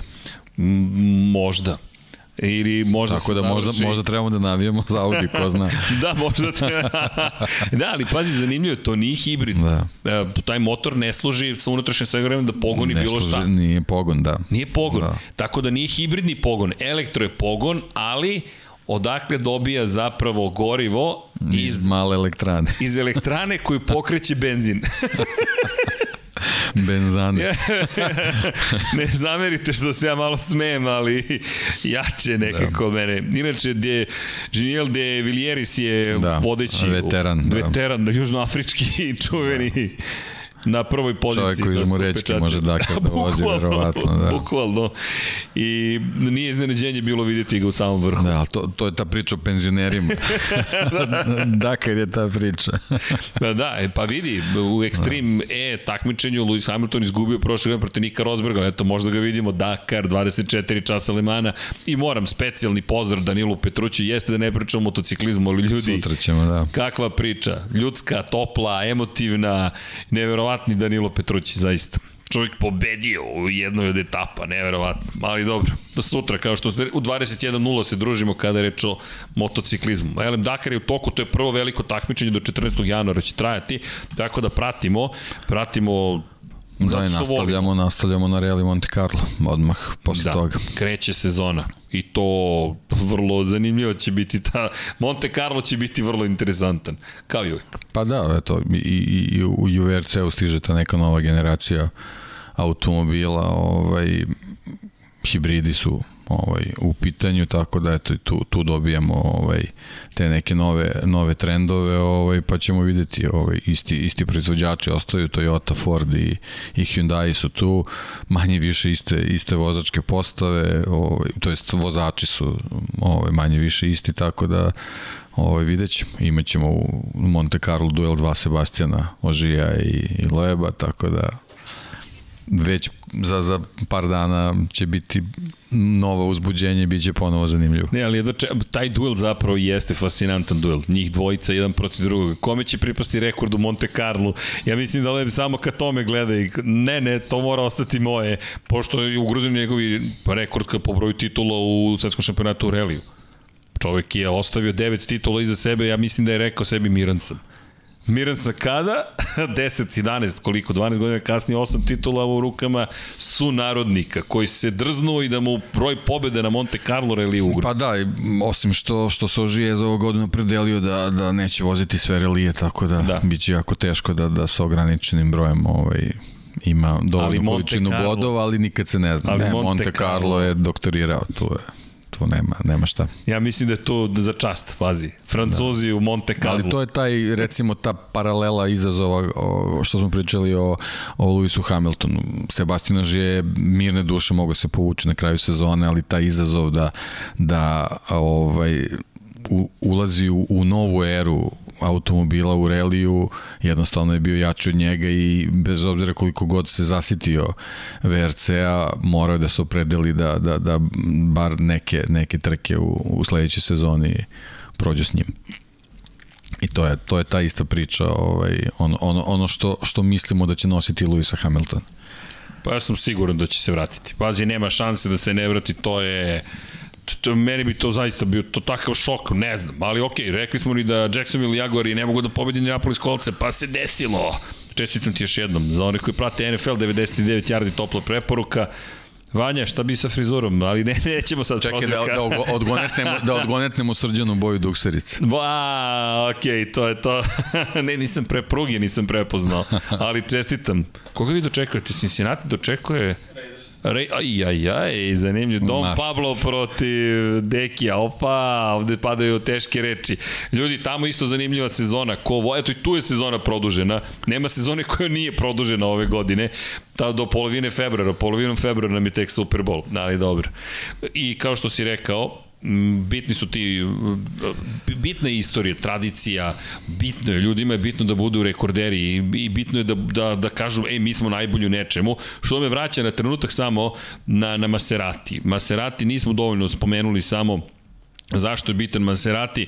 Ljudi, Maserati, kažemo, zaboravljeno je već, ali do 58. godine igrao ozbiljnu ulogu u Formuli 1 i sama ta činjenica da je Maserati uspeo da osvoji to je zajedno sa Honom Elovim Fanđom titulu, to je velika stvar zaista. Pa dobro, da, ti, ti početci Formula 1 jednostavno su vezani za, za trkačke automobile koji su ovaj, nekako teško je sad tako reći, ali bilo je ovaj um, bilo je moguće lakše ih pripremiti za, za te nastupe, međutim kako je kako je ovaj napredo, napredovala da. Formula 1 i, i, i ta kompleksnost samih ovaj automobila je onako do, počela dolazi do izražaja neki, neki jednostavno nisu mogli to da prate. Tako da to je to je nažalost ovaj bila i situacija sa Maseratijem, ali bez obzira kako god se pričalo o istoriji Formule 1, to je ime koje, koje mora, mora da se spominje, tako da ovaj, kažem, eto još jednom drago mi je da, da se vraćaju kao, kao brand, pa eto, nek bude i, i ta Formula E neka, neka ovaj mala vrata koja će se možda proširiti i otvoriti za neka, neka druga. Mislim, Maserati je generalno aktivan i u proizvodnji pre svega supersportskih automobila. MC20 je automobil koji, koji nasleđuje na neki način onaj čuveni MC12 koji je razvijen zajedno sa, sa Ferrari Enzo, to jest imaju isti, isti agregat koji ih pokreće reći, a MC12 je ovaj automobil koji je zamišljen kao prvi pravi um, hiperautomobil iz Maserati, zašto će imati, treba da ima Maseratijev motor kao pogon i nosi ime MC20 upravo zato što je 2020. Ovaj, trebalo da, da bude, mislim, predstavljen, ali jednostavno nije, nije, nije krenula proizvodnja ali je uh, ovo sve pričam zbog toga zato što se tad još pojavila ovaj uh, pojavile su se pretpostavke da će se u MC20 pojaviti uh, kompletan električni pogon za, za, za, za, za taj automobil tako da moguće da je sa pojavom Stellantisa i verovatno nekim restrukturiranjima, možda preusmeravanjima nekog novca, možda će doći do toga da, da ovaj MC20 u nekoj konačnoj verziji upravo bude automobil koji će imati potpuno električni pogon i onda, onda to može da bude ta veza zašto se Maserati kao brend pojavlja u Formuli E. Tako da Maserati u Formuli E možda u nekoj skorije budućnosti vidimo tamo neki ovaj pace car koji će u stvari biti električni Maserati MC12, MC20. Da, nemamo neko nagradno pitanje, mada Možda možemo beđeve nekome da pošaljemo. Šta vi mislite o tome? Dom Pablo će me zadaviti kada se pojavi. Ali dobro, ako neko želi, evo, tri beđa, to jest beđeve tri različite veličine na poklon, evo neka odgovori prvi. Prvo, dama, momak, kogod, gospodin, Šta je zajedničko Maseratiju i Mercedesu? Postoji jedna vrlo zanimljiva priča o Maseratiju i Mercedesu i eto, Ako možete bez googlanja da pokušate da, da odgovorite, pa eto, poslaćemo vam tri beđa, vi izaberite koja. Možemo čak i da vam pošaljemo i šest sjajni i matirani. Čisto da ih vidite zabavno, sad, pošto je reprezentacija, delimo beđeve, pošto smo uradili test. Nismo rekli prvo ići ćemo u prodaju, ne, ne, ne, napravite nam da mi vidimo da vi zate, zaista to isporučujete na vreme i za taj novac koji ste rekli i ljudi su bili super. Instant su sve dostavili, tako da je to lepo ispalo. A stići će, tu će biti i prvi beđ uh, crven, crveni, pozadina belo 76, lep zeleno. I e, evo odgovora, Fanđo šampion, Alen Jasen, Jasenović, mada Liber je odgovorio gazda. Tako je, Fanđo osvojio titul. Ne, ne, ne Fanđo transfer. Zvanično, Juan Manuel Fanđo, 1956. godine, je osvojio titulu ili 54. 54. 54. Da, 54. je osvojio titulu i za Maserati i za Mercedes. Pošto je iz Maseratija prešao u Mercedes. Sad zamislite Formulu 1 2022. Lewis Hamilton na pola godine kaže odoh ja u Ferrari. Poeni mu ostaju, pazi. Poeni mu ostaju. I onda osvoji titul i kaže to je to Mercedes Ferrari. Naravno, ljudi, to je gotovo nemoguće s ugovorima koji sada imaju, ali to jeste bio taj čuveno, vidimo ovde i transferi i tako dalje i tako dalje. ali eto, to je jedan zanimljiv. Inače, pozdrav za resničani i svi koji su uradili uh, join s obzirom na činjenicu da eto, imate specijalne, čekaj, deki, da te podate ovde stavim, deki, deki cool, Dobro, znači Alenu idu ovaj, Alenu idu u Beđevi, da. da. Alene, samo se javite na lab76 infinitylighthouse.com. A, Boris Trutin kaže, nemam pojma, ali želim badge. Boris, vi ste otišli u penziju, ako se ja ne veram, tako da možda za penzionere budemo nežnog srca. Penzionerski popust, ali šta kakav popust na nulu, Vanja? to je kao plata u Alanu Fordu, 90% od ništice i dalje ništica. U svakom slučaju, da, to je čuvena priča kako je na pola godine otišao i to je jedini šampion koji je zvanično osvojio titulu za dve ekipe. Tada još nije postojao šampionat konstruktora, tako da ne postoji osvajač titula u toj konkurenciji, ali je Fangio osvojio za Maserati i Mercedes. Čovek koji je osvajao titule za Alfa Romeo, za Maserati, za Mercedes i za Ferrari. Pet titula, četiri proizvođača. A ako to, e, to ne može da se ponovi, ja mislim više nikada, četiri proizvođača. Nemoguća misija. Juan Manuel Fangio zaista bio velika U relativno kratkoj karijeri u Formuli 1. I to posle 40. godine. Život da. počinje posle 40. Deco, zapamtite šta sam rekao. Vanje, Vanji to deluje kao koncept, to se nikad neće desiti. E, Vanja, brže će proći nego što misliš. No, da se mi vratim, brže će proći ova pauza, ljudi, malo više od 60 dana do do početka nove sezone Formule, meni deki deluje neverovatno, a pritom timovi još nisu potvrdili datume kada će prezentovati bolide. Takva je sezona, mi smo planirali da napravimo već kalendar kada se prezentuje koji bolid. Ma nema šanse, ljudi. Ja mislim da će oni čekati bukvalno poslednji moment pred odlazak u Španiju, a da će i tada odložiti zvaničnu prezentaciju tamo negde za polovinu marta, gde će onda tek predstaviti svoje bolide. I ko zna šta ćemo vidjeti, možda i kamuflažne boje kao Red Bull što je imao u Barceloni, kako bi što više sakrili oblik od konkurencije onoga što su pripremili. Ja ne znam, ne sećam se da sam toliko čekao rezultate nekog testiranja. Zašto? Prethodnih godina testove ste mogli da neću kažem lažirate, mogli ste da kažete usporit ćemo se malo na testovima, sada će to biti mnogo teže, toliko je malo podataka, toliko malo informacija, ograničeni budžeti, pa čak su i Ferrariju rekli, ljudi, ako napravimo grešku na početku, morat ćemo da trošimo mnogo više novca na početku sezone da bismo stigli konkurenciju, a onda na kraju godine nemate prosto novca za dalji razvoj. Da, i pitanje, pitanje ovaj, tokom 2021. ko se opredelio da, da ovaj, više ovaj, energije energije usmeri ka, ka razvoju bolida za, za 2022. Mislim, generalno čitava priča vodi ka tome da, da će 22. biti prilično teška za, za manje ekipe. Ba, teško je, stvarno je teško, teško je pretpostaviti da. da, da će neko imati dobitnu kombinaciju na samom početku i da će onda sa jako malim sredstvima uspevati da to održi do, do, do, do kraja jednostavno predugačke sezone to je to je nešto što ne, ne znam, mislim, apsolutno ne, ne možemo da očekujemo, tako da vidjet ćemo šta će tu sve da se izdešava i naravno sve ono što imamo, ovaj, to su te neke u ovom trenutku o, spekulacije, nečije, nečije zapažanje, recimo imali smo, Niko Hulkenberg je pričao o tome ovaj, šta, šta može da se očekuje od od novih bolida i naravno njegove uh, njegove njegove iskustva su vezana za za simulator ovaj pošto on je on je test vozač Aston Martina iz, iz njegovih izjava se vidi da je dobio priliku da u, u simulatoru ovaj vozi uh, ovaj bolid za, za, za 22. to je da, da, da simulira ovaj uh, performansi tako dalje tako dalje naravno njegova prva ovaj E, prva zapažanja su da, da će bolidi biti podjednako brzi kao i, i bolidi iz o, 21. to je iz ove, iz ove prethodne ere e, i ono što, što je njegovo zapažanje što mu stvari najviše onako pa, mogu da kažem i zabrinulo jednostavno da on e, nije baš siguran da će da će novi bolidi na osnovu onoga što je on naučio kroz vožnju simulator ovaj, moći tako lako da se kreću iza iza, iza bolida, jedan u stvari jedan iza drugog, ovaj, to je nam famozna priča o tom prljavom vazduhu koji smo imali I da će... u čitavoj ovoj prethodnoj eri, ali eto, iz, iz nekih njegovih zapažanja vezanih za simulator misli da se, da se taj problem neće, neće otkloniti ni, ni sa novom generacijom, tako da, kažem, ostaje mnogo da se vidi upravo i on i u tom, tom svom intervju i to izjavi rekao da, da će glavna stvar gde će vozači u stvari moći da, da se suoče s tim biti testiranje u Barceloni. Tako da, da eto, dolazimo do toga da će bukvalno ta, ta dva, tri dana tamo biti toliko, toliko dinamična da, da, ovaj, da će prosto biti neverovatno. Pet dana. Pa pet dana ukupno, ukupno ali, ali prvi, drug, prvi dan je shakedown. Šta ako ti se ne upali? Mislim, niko... niko... se, William da. se izvini 2019.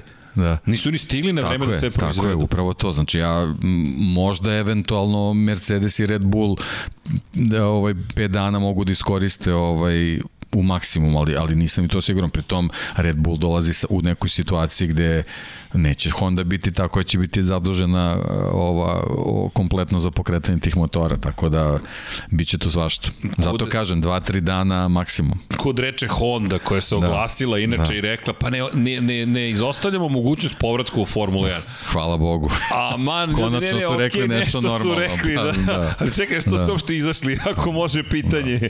Ne, a njihov, nije, nije, njihov sistem rezonovanja uvijek će mi biti zbunjujući, ali predvidiv doći će i otići će i vratit će se. to vam je, eto, to je u tri koraka. Doći ćemo, odlazimo, vratit ćemo se, ok, deluje mi kao neki strip, kao gale da, da čitam u Asterixu i Obelixu. Banzai manevri. ne, ne, manevri su neverovatni. Ali ok, eto, to je nešto pozitivno što kažeš. Honda, koja inače rekla će pružati podršku Red Bullu, ali ljudi, jedno je podrška, I jedno je kada Red Bull uzme i napravi sebi prvu fabriku u svojoj istoriji motora. A drugo je kada imate konglomer, imate kompaniju koja se time bavi decenijama, skoro ceo vek, pa nije baš vek, ali polako idemo i ka tim godinama i koja je proizvodila sve moguće stvari, od motocikala, aviona, raketa, rekli smo Honda ulazi zapravo, ne znam da smo to spomenuli, to smo u kosmosu spominjali, ali za one koji ne znaju, Honda ulazi u biznis, u posao, u posao komercijalni posao slanja satelita i objekata, možda i ljudi u svemir. I koristit će e, takozvane reusable rocket, dakle rakete koje mogu biti više puta iskorišćene. Po uzoru na SpaceX, Honda ulazi u raketnu industriju. Eto, tako da, jedno je Honda, drugo je Red Bull. I koliko god Red Bull kupio intelektualne svojine, i to je veliko pitanje, šta će Red Bull ako tu bude postojao neki zaostatak? Da, zamrznut će biti razvoj u velikoj meri, skoro u potpunosti, ali opet nije detalji ovde odlučuju. Tako da Red Bull, vidjet ćemo što nas će nas dovesti ponovo do Volkswagen grupacije, pa onda do ove priče o ponovo o Maseratiju koji je ušao. Inače, Maserati koji je u saopštenju rekao mi smo prvi italijanski proizvođač koji ulazi u Formulu E. Šta ti je ta lokalna čast? Mi smo prvi italijani koji su ušli u Formulu E. Bolje bi vam bilo da osvojite titulu, jer u suprotno ćete biti i prvi italijani koji će izaći iz Formule E. Pa zaista, mislim da koliko god je ovo uzbudljivo, Trozubac ne sme sebi da dozvoli da, da tamo budu ne, u lošoj situaciji. Su više ovaj, ozbiljan rating da bi se igrali s tim. Ne, pa, preozbiljne situacije. Ducati koji je ušao u Moto je šampionat sveta, dakle električne motocikle će proizvoditi Ducati, Maserati neće biti jedini proizvođač, ali preozbiljan. Ja ne znam za skuplju robnu marku u kontekstu sportskih automobila, Maserati ovde dosta stavlja na, na, na kocku ako nije ozbiljno shvatio šampionat. A šampionat uopšte nije naivan. Nije tek tako jednostavno ući i osvojiti ga. I tako. U svakom slučaju, da, inače da spomenemo i NASCAR polako se bliži početku, nova generacija automobila stiže u NASCAR, mislim da, da zapravo ćemo morati time da se ozbiljnije pozabavimo, danas da će nas se pridružiti Boži Tatarević, zašto? Ovo je godina novih tehnologija. Rally, NASCAR, Formula 1. Svi uvode potpuno nove automobile, bolide, vozila, kako god želite i zaista nas čeka mnogo toga novog u 2022. Pa eto, pa i Dakar. Pa i Dakar, tako je, i Dakar pa i hiperautomobili, ali baš veća grupa hiper, hiperautomobila u, na takmičenju na, na, na, na 24 časa Le Mans, iako smo ih videli prošle godine. Hmm, jedva čekam, moram da ti priznam, jedva čekam. Inače, da, još jedna bitna stvar, a to je da to ne smemo da zaboravimo u celoj priči, a to je, slušajte ovo, Aero McLaren SP Chevrolet and Mission Foods će se ponovo naći na stazi, A ko će im se pridružiti? Juan Pablo Montoya. 106. izdanje 500 milja Indianapolisa i dvostruki pobednik ove trke. Čovek koji je u debitantskom nastupu 2000. godine za Chip Ganassi Racing pobedio. Čuvena priča kada mu Alan Junior rekao vidit ćeš kada te ugrize Indy čovek došao i pobedio iz prvog. I onda se nije pojavio, koliko? Jedno, 15 godina, nije, malo tako otprilike, pa, skoro 15 da. godina. I onda iz drugog pokušaja pobedio i drugi put. Kasnije nije baš ponovio taj uspeh, ali 2 od 2. Montoya, jedan, jedan jedini, bukvalno. Tako da će u broju 6 biti za Aero McLaren. Tako da eto, McLaren ponovo s Montoyom.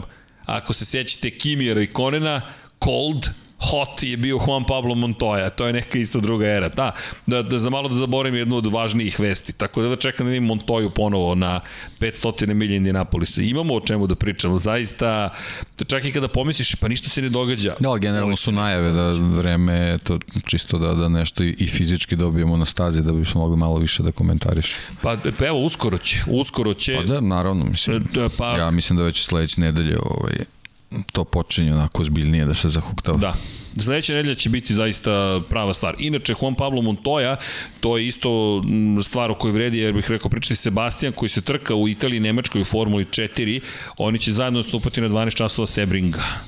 Tako da, svega ima. Svega ima i u IMSI se svašta dešava. Elem, Nadam se da ste uživali u ovome što smo vam pripremili. Verovatno ima još nekih vesti, verovatno se još nešto događa, ali ne zamerite ekipe ukoliko nešto propustilo. No, nećemo se tek tako pozdraviti, malo pitanja i odgovori. Pazi, deki, ne pamtim da smo u sat i po uspeli nešto da učinimo. Pa to, to je su... zatišće pred bur.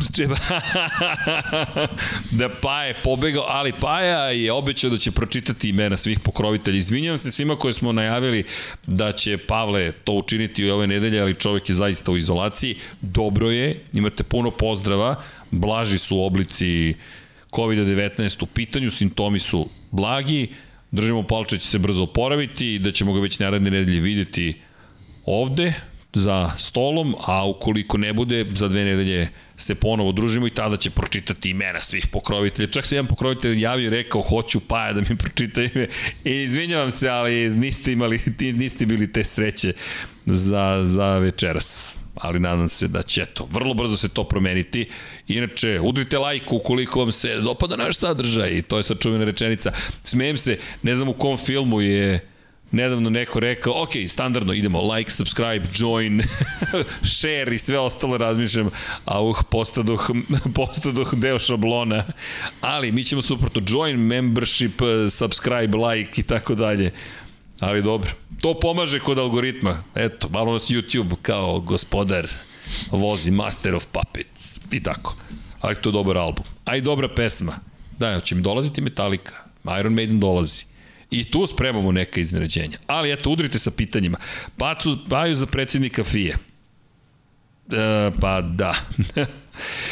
E, možete da pričate malo više o Ferrari, ima mnogo više vesti nego što ste rekli u ovom podcastu. E, kada je reč o Ferrariju, da, još jedna vest, hvala, za malo da zaboravimo, Carlos Sainz još nije potpisao produženje ugovora i o tome se priča da će zapravo Ferrari, mada je Ferrari rekao da ne očekuje neka iznenađenja i da očekuje zapravo da će e, se hajde da kažemo to relativno brzo i lako rešiti. Tako da bi iz te perspektive trebalo da se prosto nastavi ta saradnja, mislim da imaju sve razloge i jedni i drugi da nastave, kao što je rekao kada je dolazi u momentu kada je Ferrari bio u vrlo teškom položaju, da zna gde ide i da zna šta radi, tako mi djeluje sada kada su treći u šampionatu sveta konstruktora, I uz, inače, E, za Ferrari, još prošle godine se pričalo da će oni takođe ići sa pull rod oslanjanjem, ali to nije toliko dramatično za Ferrari. Ferrari nije imao probleme sa time, Ferrari ima dovoljno iskustva, tako da nije neočekivano da vidimo Ferrari da povuče taj potez za razliku od McLaren koji mislim da zaista rizikuje. E sad, što se tiče Carlosa Sainca, ukoliko Ferrari zaista pravi taj potez, nelogično bi bilo da sada ne nađu zajednički jezik. Pogotovo što je pobedio Charles Leclerc u, u šampionatu. Da li, je, da li bi bilo drugačije da se oni bore di jedan protiv drugog neprekidno? Ne znam, možda. Pa, ono, kad se vidi kroz neke, kroz neke Sainzove izjave, ovaj, onako, između redova, kad se čita, on je on i, i Šal su naravno vrlo spremni da, da dela i čak i podatke ovaj, sa testiranja, tako da mislim da, da, da će Sainz da Ferrari što se tiče vozača donese tu u, u, možda i neophodnu mir, mirnoću i saradnju između, između njih, zato što su oni generalno u ovom trenutku na zajedničkom zadatku, a to je da, da, da Ferrari uzdignu i da ga dovedu do toga da bude na, na ono, vrhunskom konkurentnom nivou. E sad, ako uspeju da dođu do toga, onda, onda tu kreće, tu kreće neki novi novi nivo gde, gde, će doći u situaciju da se, da se takmiče jedan protiv drugog. Dok, dok ne dođu dotle, nema apsolutno nikakvog razloga, ni što se Ferrarija tiče, a mislim i samog Sainca se tu nešto menja, da jednostavno ta, ta vozačka postava treba da, da ostane, zato što su pre svega obojica izuzetno kvalitetni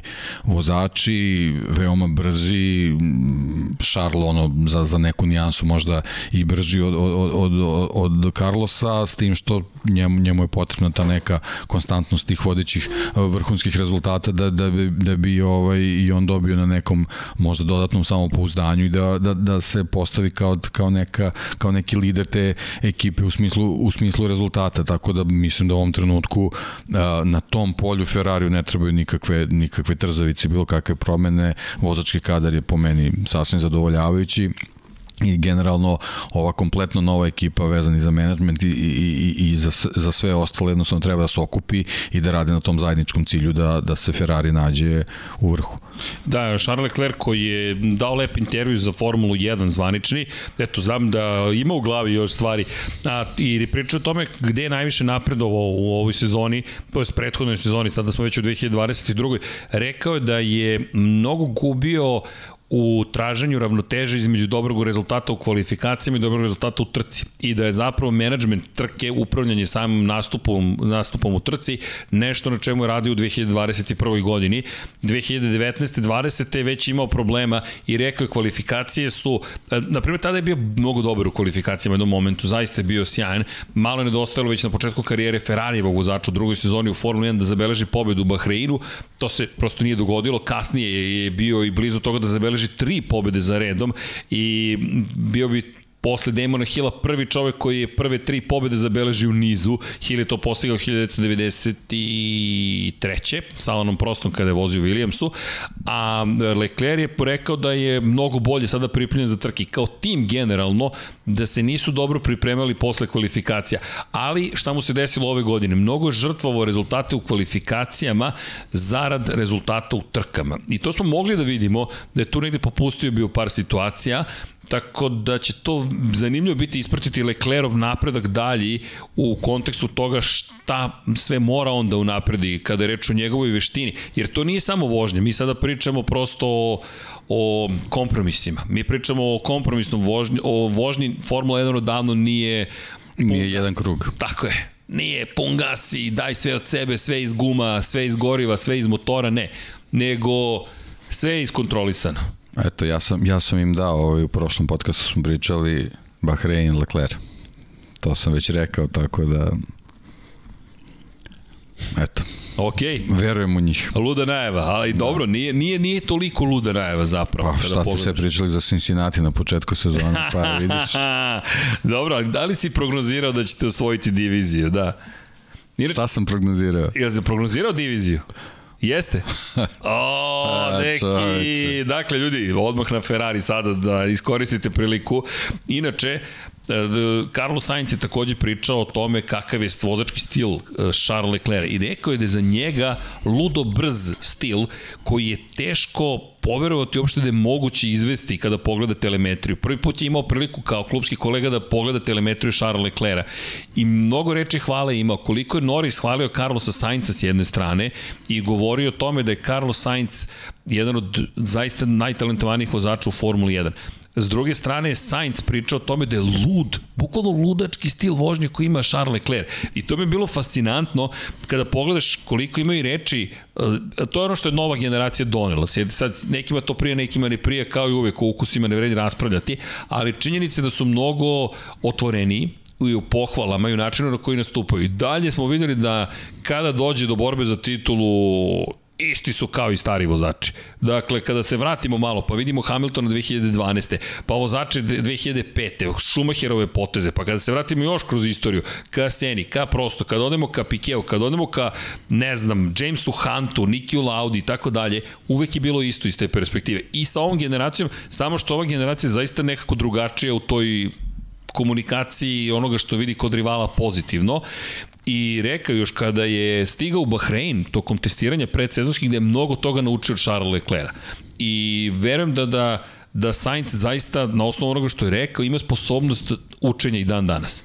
Pa, Carlos Sainz je očigledno atipičan vozač Formule 1 koji onako ne bazira svoj, uh, svoj razvoj i svoj uspeh na nekom egoizmu nego jednostavno ovaj, ozbiljan je timski igrač koji uh, ima ozbiljno poštovanje prema svojim pre svega timskim kolegama ovaj na na stazi glavom pre svega vozi, ali u nekim situacijama bez, krom, bez kompromisan, ali vodi, vodi ovaj, računa o drugima. Tako da se na taj način izgradio, postavio, očigledno da uživa poštovanje svojih rivala na, na stazi, što nije, nije toliko ovaj, uobičajena stvar, a sad vidimo i da, da gradi taj izuzetan odnos sa Leclerom kakav pre svega imaju sa Norrisom u, u, u McLarenu, tako da, da kažem, to je, to je ta, ta neka ovaj, pozitivnost koju Ferrari mora mora da iskoristi da bi da bi sa tom dobrom hemijom između vozača, njihovom saradnjom ovaj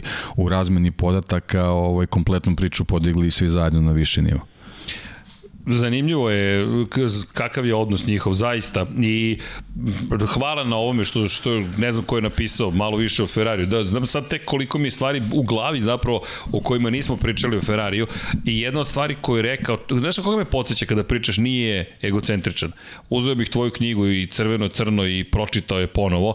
Zašto? Ako Schumacher nešto znao znao je da pogleda i tekako telemetriju svojih klubskih kolega ostalih ljudi i stalno je uči. Fascinantno mi je kroz ceo sport kada pogledamo šta ljudi pričaju o tome kako su upijali znanje. E, Vanja inače gostovao u košarkaškom podcastu kod Luke i Kuzme i baš su pričali o Kobeu, koji, Kobe Bryantu koji je zvao Michaela Jordana i stalno ga pitao kako si izveo ovo, kako si izveo ovo, šta si uradio ovde, zašto si uradio ovde. Nema sujete. Ne, ne, sad ću ti ja pokažem da sam bolji. Ne, kako ti to radiš, ja to upijam, primenjujem sebe, unapređujem. I zanimljivo je koliko je Sainz rekao da je morao da promeni svoj stil vožnje, da bi, rekao je, ponekad mi je bilo nevjerojatno da poverujem da je uopšte ovo moguće. A Charles Leclerc zanimljivo, šta je rekao da je naučio upravo o tome kako upravlja trkom Carlos Sainz. Da. Tako da se dobilo pa, po njoj. Vidi, što se mene tiče, uh, uspeh McLarena iz ove sezone je donekle i uspeh uh, Carlosa Sainza. Sad ćemo videti u novoj sezoni kako će ulogu Daniel Ricardo da odigra u čitovi priči oko pripreme, ali kaže meni delo da je, da je Carlos Sainz onako prilično dragocen igrač e, u kom god timu se pronaće. Ima još, e, ima tu još par stvari koje nisam spomenuo, za malo da zaboravim, a to je glavni sponsor. Gledam Deki ka vremenu, nemoj da brineš ako zaglavimo. Deki ima neke obaveze posle 23.00, ali bit ću vam ja tu ako zaglavimo, a mislim da ćemo zaglaviti kako je krenulo, a to je da je da je Philip Morris, kompanija s kojom je Ferrari mnogo dugo sarađivao, jedan od proizvođača cigareta, i kompanija čiji Mission Vino u logotipu više neće biti glavni, tim će se zvati Scuderia Ferrari, kako sad... Ali nema veze, ja sam rekao da ću specijalnu majicu da obučem kad Ferrari zabeleži prvu pobedu. Dogovoreno, čuli ste takođe, Deki se sprema po, posle Bahrine, je tako? Dobro. Dakle, Scuderia Ferrari će se zvati u 2022. ali još uvek postoje opcije. Rekli smo da se Santander vratio u igru, međutim Binotto je potvrdio da što se tiče Ferrarija još uvek postoje opcije kada je reč o potencijalno takozvanom title sponzoru, dakle sponzoru no, koji će dati i ime ekipi. Tako da čekamo koja će to biti informacija, to su neke najsvežije vesti kada je reč o, o mogućim promenama, ne znamo tačno ko bi to mogao biti, ali činjenica je da verujem da Ferrari zaista neće imati problem uz sve što se događalo, da nađe i uz sve ono što se generalno događa kada je reč o Ferrariju, da neće imati problem da nađe novog sponzora. Inače, Binotto je potvrdio da ovo što smo spomenjali kada je reč o novim ljudima u organizaciji Ferrarija, da na njega to ne utiče. Prosto potvrđeno, to nisam napomenuo, to je takođe važno. Vinja je, dakle, kao što smo rekli, izvršni direktor Ferrarija je potvrdio da ima poverenje u Matiju Binota.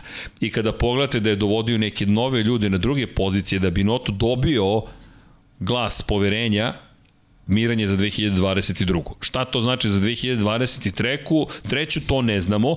Ono što je zanimljivo, zapravo predsednik odbora upravnog, John Elkan, je rekao da su oduševljeni e, zapravo i Vinjom kao novim izvršnim direktorom, a Vinja je dao poverenje Binotu. Tako da Binoto za sada deluje da je bezbedan na svojoj poziciji i mislim da nema ni razloga nešto sada menjati. Čovek je uspeo da ih u krajnjem slučaju vrati na poziciju broj 3.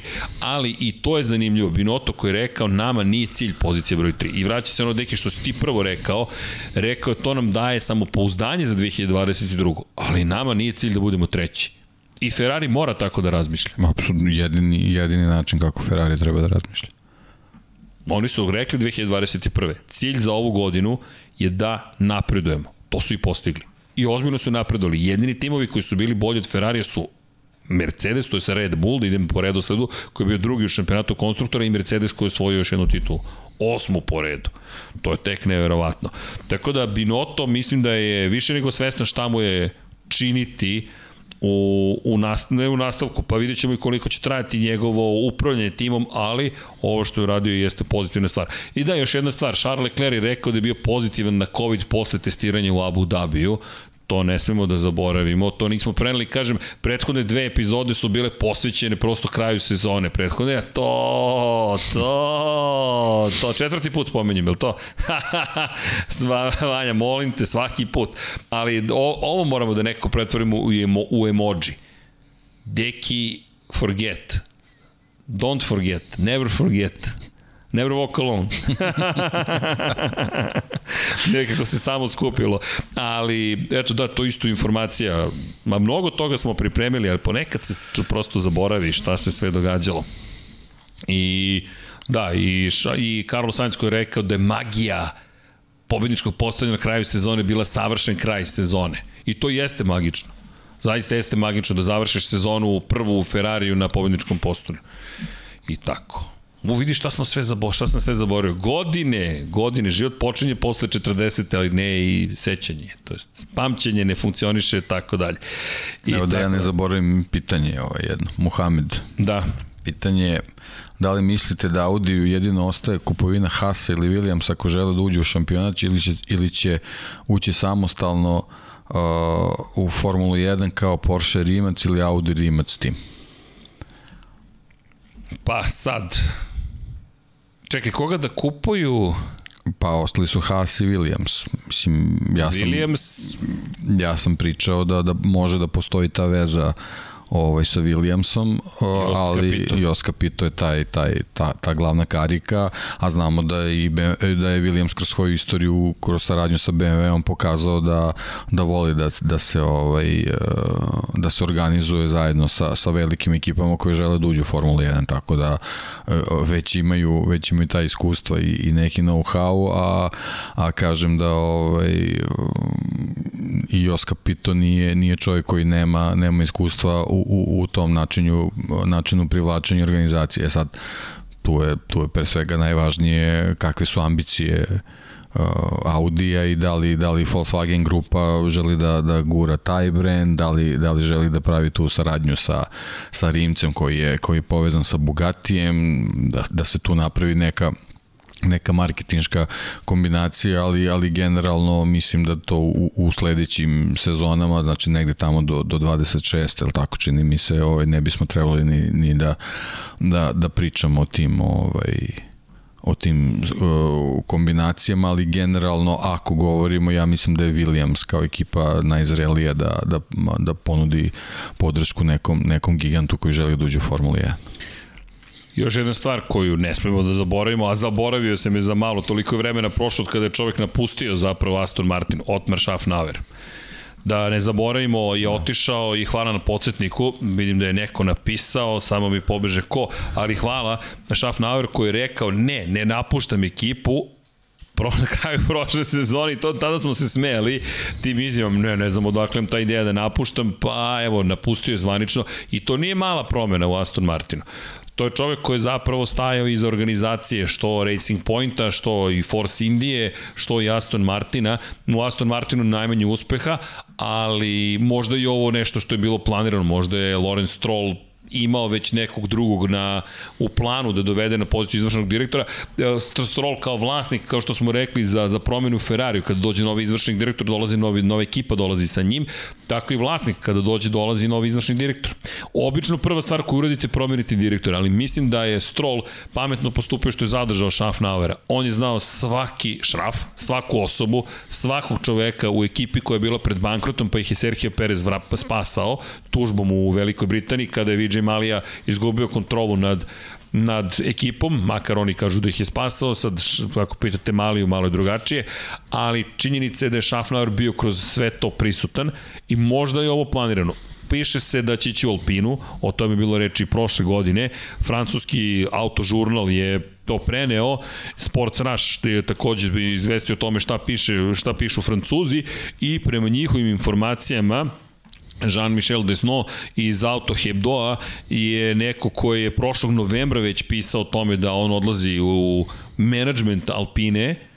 Sada dobijamo informaciju još jednu da će samo da je samo pitanje trenutka kada će biti potvrđeno da je Schaffnauer stigao.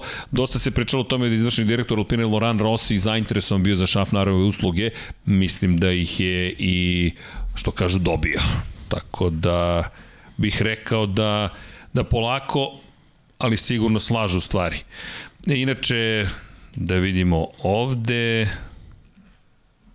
imamo još neka pitanja, da vidimo... Vidimo su bilo pitanja vezani za gorivo, mislim to je isto Da. ovaj, kako bih rekao, to spada u paket ovih uh, generacijskih promena, to jest novina koje nas, koje nas očekuju u Formuli 1 gorivo koje će biti 90% sačinjeno od, od eh, fosilnog E, da, goriva je- i 10% etanola, to jest alkohola, Pa, da kažemo tako. da, ide se, pa, ide se ka tome. Da. Ide da. se ka tome. I, i pretpostavka je da na taj način može da se izgubi do 20 konjskih snaga u odnosu na, na, na, na sadašnju, ovaj, to jest na, na, na, na verziju goriva iz, iz prethodne sezone i ona glavna priča ponovo vezana za Ferrari, kad, kad, kad već pričamo o Ferrariju, da je navodno Shell koji je snaddevač gorivom ovaj, Scuderije već uspeo da, da prevaziđe taj, taj nedostatak od 20 konjskih snaga, tako da ovaj, to, je, to isto jako, jako zanimljiv segment uh, ove priče o poravku Ferrarija i, i, i povratku sam vrh, jer to su te neke stvari koje moraju da se rešavaju pre početka sezone, a ne, ne kad sezona krene i kad se uvide gde su problemi, tako da eto, to je, to je taj još jedan bitan de, detalj vezan za Ferrari i, i u stvari njihova saradnja sa, sa ozbiljnim kompanijama kakve je Shell. Tako da ovaj eto to to može da im bude plus, a sad da li će biti neki bonus u odnosu na na na ostale snabdevače gorivom drugih ekipa, to isto moramo da vidimo kad kad krene čitava priča sa izlaz, izlascima na stazu tokom testiranja. Testiranje koje, to kao što smo rekli, bliži se. Ba vidi, završih ja emisiju, a mi još 70% da. zapravo informacija. Izvinjavam se na tome, to je samo zimski san, ali da, koliko zapravo vesti. Inače, kada spomenjamo Ferrari, spomenuli smo da je Ferrari agresivno ove godine krenuo, sa svih strana se čuje nešto o Ferrariju. Ferrari mislim da ima i medijski udar, to je da koristi priliku kada su se stišali u Red Bull. Mislim da se sada osjeća zapravo posledica toga što su Red Bull i Mercedes vodili svoju bitku do kraja godine i da su ostali zapravo u 2021. makar na trenutak ili nadoknađuju izgubljeno vreme za pripremu bolida za 2022.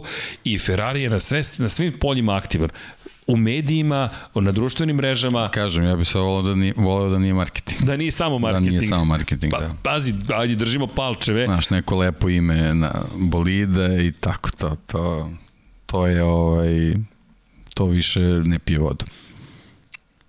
Slažem se, ali, ali nekako su mi, znaci su mi pozitivni, deki. Ne, ne, okej, okay, sve, Možda sve sam ja previše optimističan.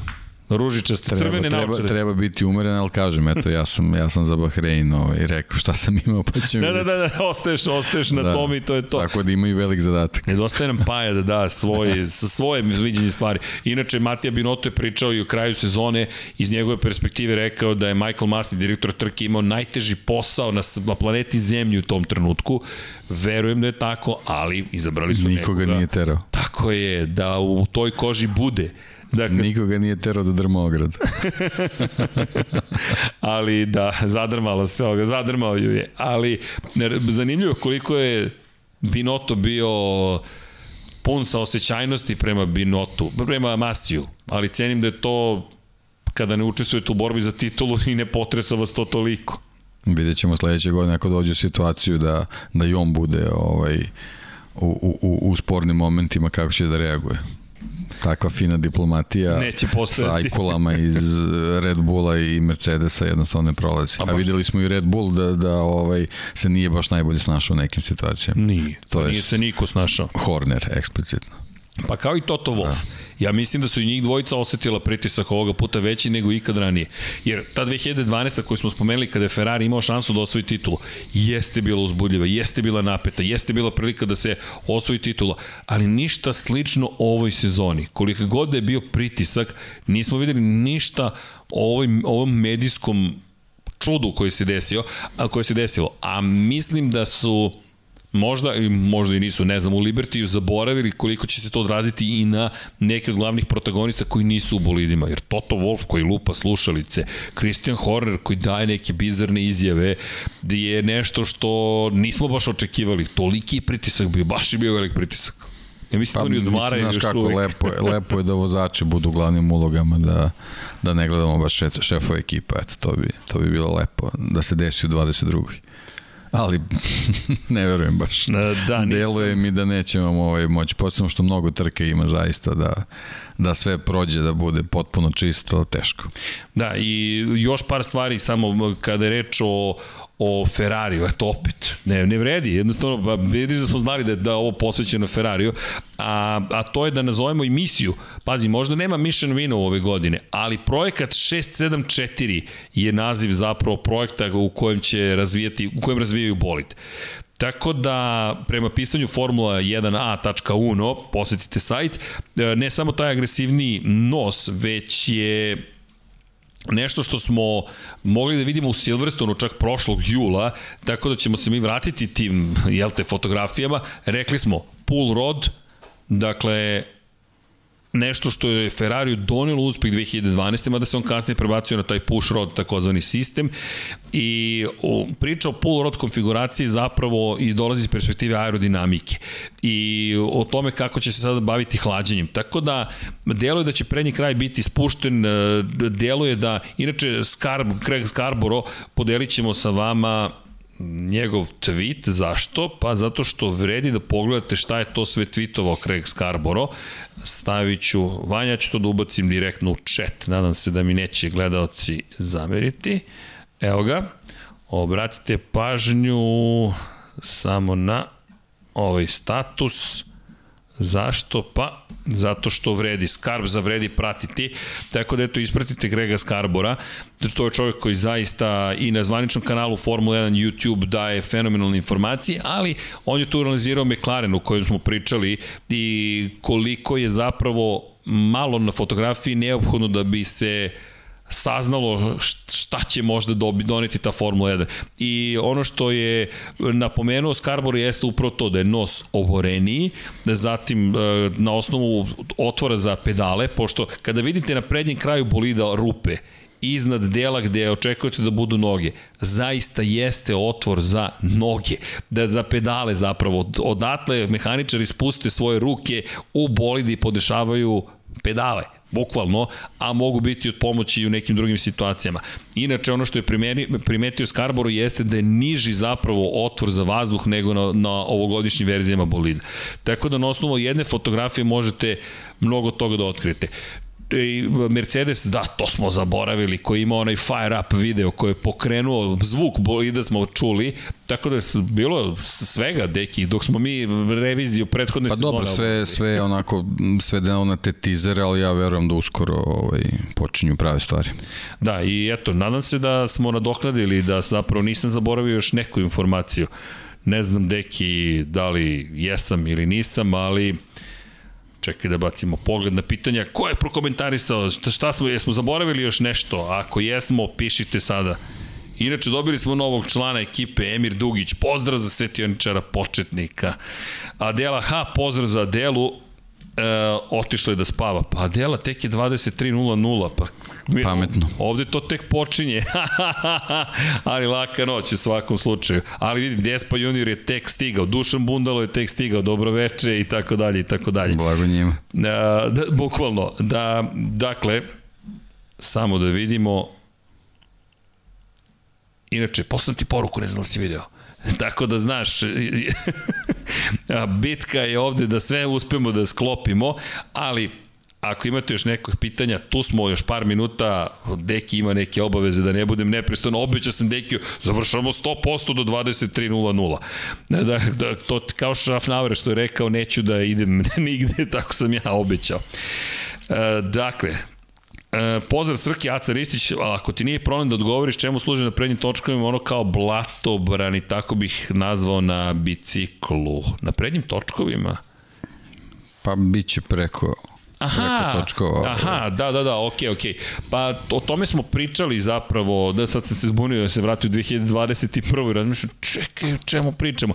Pa imati, pre svega će imati aerodinamički Brkovi. efekt. Brkovi.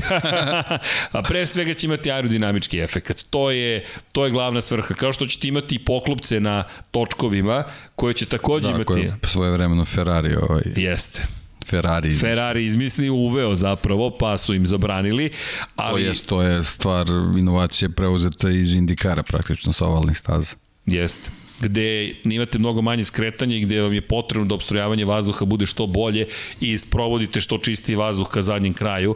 Gde sad, da li će to pomoći, nisam 100% sigurno, ne znam, sad vidjet ćemo, svi zajedno ćemo saznati, ali činjenica je da... Novi, novi, novi profili guma, nove, nove felne, tako Jest. da sve se proba. E, Da, inače kada spominjamo Pull Rod, e, kada spominjamo tu priču, Pull Rod je prvi put uveden krajem 70-ih godina i e, to je Gordon Murray zapravo čovek koji je uveo. Ko, ako ne znate ko je Gordon Murray, Gordon Murray je legenda Formule 1. Inače na YouTube-u su se pari neki novi videi ko je zapravo dizajner MP4 kroz 4 McLarena fenomenalna priča, neko je podelio sa mnom na Twitteru, ne znam ko, ali pogledajte. Inače, Gordon Murray je zaista legenda Brabama zapravo. Pa da, on je u stvari te inovacije koje kasnije sad ću da otkrijem vezano za McLaren, ali, ali onaj super niski breben BT55 u kojem je To. nastradao Elio De Angelis i u stvari ovaj, ta inovacija ovaj, Gordona Marija koji pre toga sa, za, zajedno sa, sa ovaj, Bernie Ecclestonom i Nelsonom Piqueom kroz tu čitavu generaciju tih BT 48, 49 pa do, do tog 55 bolida ovaj stvarno je ovaj doneo razne evolutivne stvari u Formulu 1 i po meni jedan od, od najboljih bolida te, te neke turbo ere iz 83. taj BT 52B jednostavno savršenstvo od, od automobila. On je bukvalno bio osnova za MP44. Da, da. On kada je prešao, Mare kada je prešao u McLaren... Pa ne, on je jednostavno imao imao evoluciju svojih automobila koje su u određenim trenucima stizali do revolucije, ali generalno sve sve svoje zamisli je prenosio iz bolida u bolid i praktično ih usavršavao bukvalno na taj način funkcionisao. Nije, nije se trudio da, da revoluciju donese onako sa, sa, sa, sa praznog papira, nego je jednostavno evoluirao sve svoje bolide. Da, ali zanimljiv taj prenos tehnologije koji je izvršio prelaskom iz Brabama doneo je praktično planove za novi McLaren. Pa je Brabham jednostavno već krenuo ovaj, u, u tu neku silaznu putanju pre svega vezano za, za, za ovaj, novčana sredstva, Nelson Piquet je otišao, otišao u Williams, ovaj, a McLaren je bio u stvari ta, ta ekipa koja mogla da isprati te, te zamisli Gordona Marija da, da, da ovaj, i sa, sa pogonskim agregatima ovaj, Honda jednostavno dođe do, do, do tog konačnog rešenja kako je to Gordon Marija stvari zamislio. Da, inače kada govorimo o, o toj eri praktično dizajnera, to je pre Adriana jer John Barnard je jedan od ključnih igrača u celoj priči. Barnard koji nekako nikada nije uspeo da, da uživa u plodovima svog rada. On je... Pa da, zato što jednostavno neke njegove, njegove dobre ideje su ovaj, u početku nailazile neke, neke čudne reakcije između oslog. On je, on je čovek koji je, koji je doneo tu inovaciju vezanu za, za podignut nos, to jest tada, tada se više to fokusiralo na ta galebova krila ovaj, uh, rešenje koje u stvari pratilo podignuti nos bolida koje evo bukvalno smo do, do ove sezone imali, imali Formuli 1. Zanimljivo. Zanimljivo kada se vratiš unazad kako se stvari neki zapravo e, stvari prosto ponavlja. Pa, osnovni postulati fizike se ne menjaju. Pa da. da, inače, da, eto, da govorimo konkretno to pitanje, biće, očekujemo da će uticati na aerodinamiku. To je, zašto točkovi su jedan od elemenata koji najviše zapravo stvaraju taj kozvani prljavi vazduh i stvaraju vrtloženja. Sad imate poželjne vrtloge i nepoželjne vrtloge, to jest Inženjeri su, aerodinamičari su uspeli vremenom da ovladaju vrtloženjem vazduha, to jest da usmeravaju vrtloge vortekse takozvane na takav način da zapečate, na primjer, prostor ispod, to jest ono što bi trebalo da bude ispod bolida i da ih tako usmere da se stvore zapravo zavesice i da vi dođete do toga, ali to ćemo sada imati na bolidima, tako da toga za tim nema više potrebe, ali sada, sada vrtloženje pokušavaju da što više umanje kako bi smanjili uticaj na zadnje krilo, kako bi smanjili uticaj pritom i na bolid koji se kreće iza. Nažalost, ovo što je što smo čuli za sada, što je što, što to Hulkenberg za, rekao, zapažanje, da, da, da. Da, da nije smanjen efekat toliko koliko se želo. A, izvini, to nas dovodi do DRS-a. Zadržan je DRS, mnogo, nas, mnogo je bilo pitanje da li je DRS zadržan. Sistem za umanjenje aerodinamičkog otpora, to pomično zadnje krilo, površina, jedna od površina zadnjeg krila je zadržan Dakle, DRS sistem je i dalje u Formuli 1 i bit će tu dokle god ne budu sigurni da nije više neophodan, a da ćemo imati preticanje. Tak, to, to je, prosto ni oni nisu bili sigurni da li će zaista uticati na način na koji su planirali. Ali eto, to, samo da napomenemo da, da je u celoj priči Ferrari hajde, po, nije, ne mu kažem pokazao, ali prošle godine je prvi pokazao možda neki delove koje ćemo vidjeti ove godine, pa ga otud ispomenjamo, McLaren je dao prvu fotografiju, pustio prvi zvuk Mercedes, sklapamo polako kockice. Što se tiče Ferrarija i budućnosti, evo, čuli ste, ozbiljno prestrojavanje u kompaniji postoji i sve više idu ka i oni ka elektrifikaciji. Činjenice da će biti električni Ferrari, napravljen, da ćemo dobiti SUV, dakle da ćemo imati nešto što bi bilo nezamislivo ranije, govori o tome da Ferrari ne želi da ispadne iz novog sveta. Kakav god daje, dalje vrli novi svet ili nije, Ferrari želi tu da ostane. A Formula 1 je tu direktno naslonjena, jer cela robna marka Ferrarija počiva zapravo na Formuli 1. Možemo da, da, da pričamo o Ferrariju F40, F50, o neverovatnim modelima.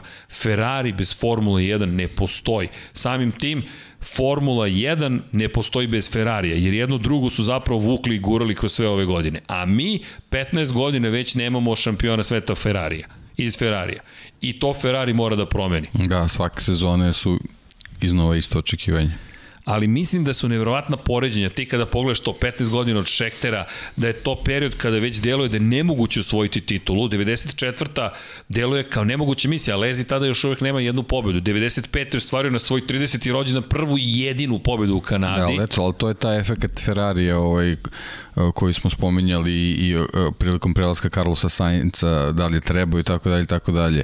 Žana Lezi tada u tom trenutku kao najveći, ta, ubedljivo najveći talent u Formuli 1 dobija ponudu Williamsa i Ferrarija. Williams u tom trenutku koji je bio u ozbiljnom uzletu ovaj, da, da, da pređu njihove redove, on se ipak odlučio da, da, da pređu Ferrari u, u tom trenutku jednu potpuno nepoznanicu. Znamo kako se to završilo, eto, sa jedinom pobedom u karijeri, ali to je jednostavno ta harizma Ferrarija, taj, taj poziv svi sanjaju i, i niko ne može da ga odbije jednostavno. Pa da li postoji čovjek koji će odbiti Ferrari?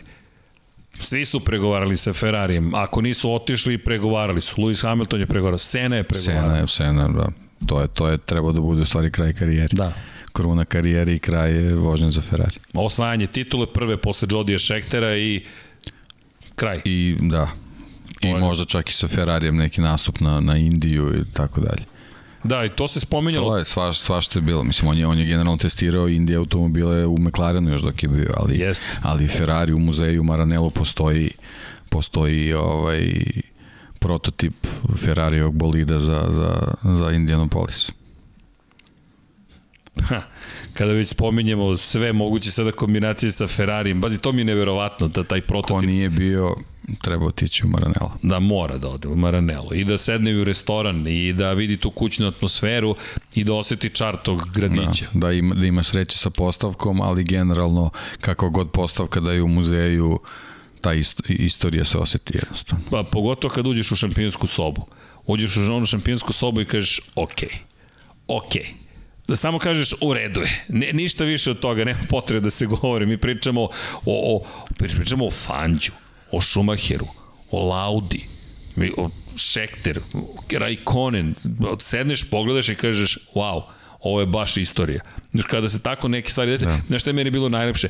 E, motori koji su tu bili, V12-ica, kada sam bila izložena V12-ica, kada sam vidio V12-ica, sam rekao, ok, to je to, dosta kraj, gasi svetla, meni je ovo, meni je ovo dovoljno.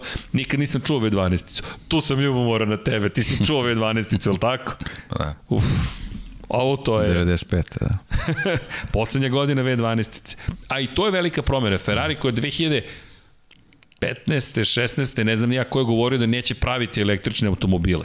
Pa je Elkan najavio prošle godine ili pretprošle da će 2025. otkriti električni automobil, pa su ubrzali stvari, već počinju da se bave. Pa dobro, to je ono, oni uvek imaju taj, taj neki tvrdoglavi stav prema svojoj tradiciji, onda uvek, uvek pomalo zakasne, ali jednostavno voze se na tome, no, ogromno ime i ovaj, stvarno su legendarni u, u tom segmentu proizvodnje automobila, tako da samo je bitno da se oni malo potrude i, i oni svoje mesto pronalaze.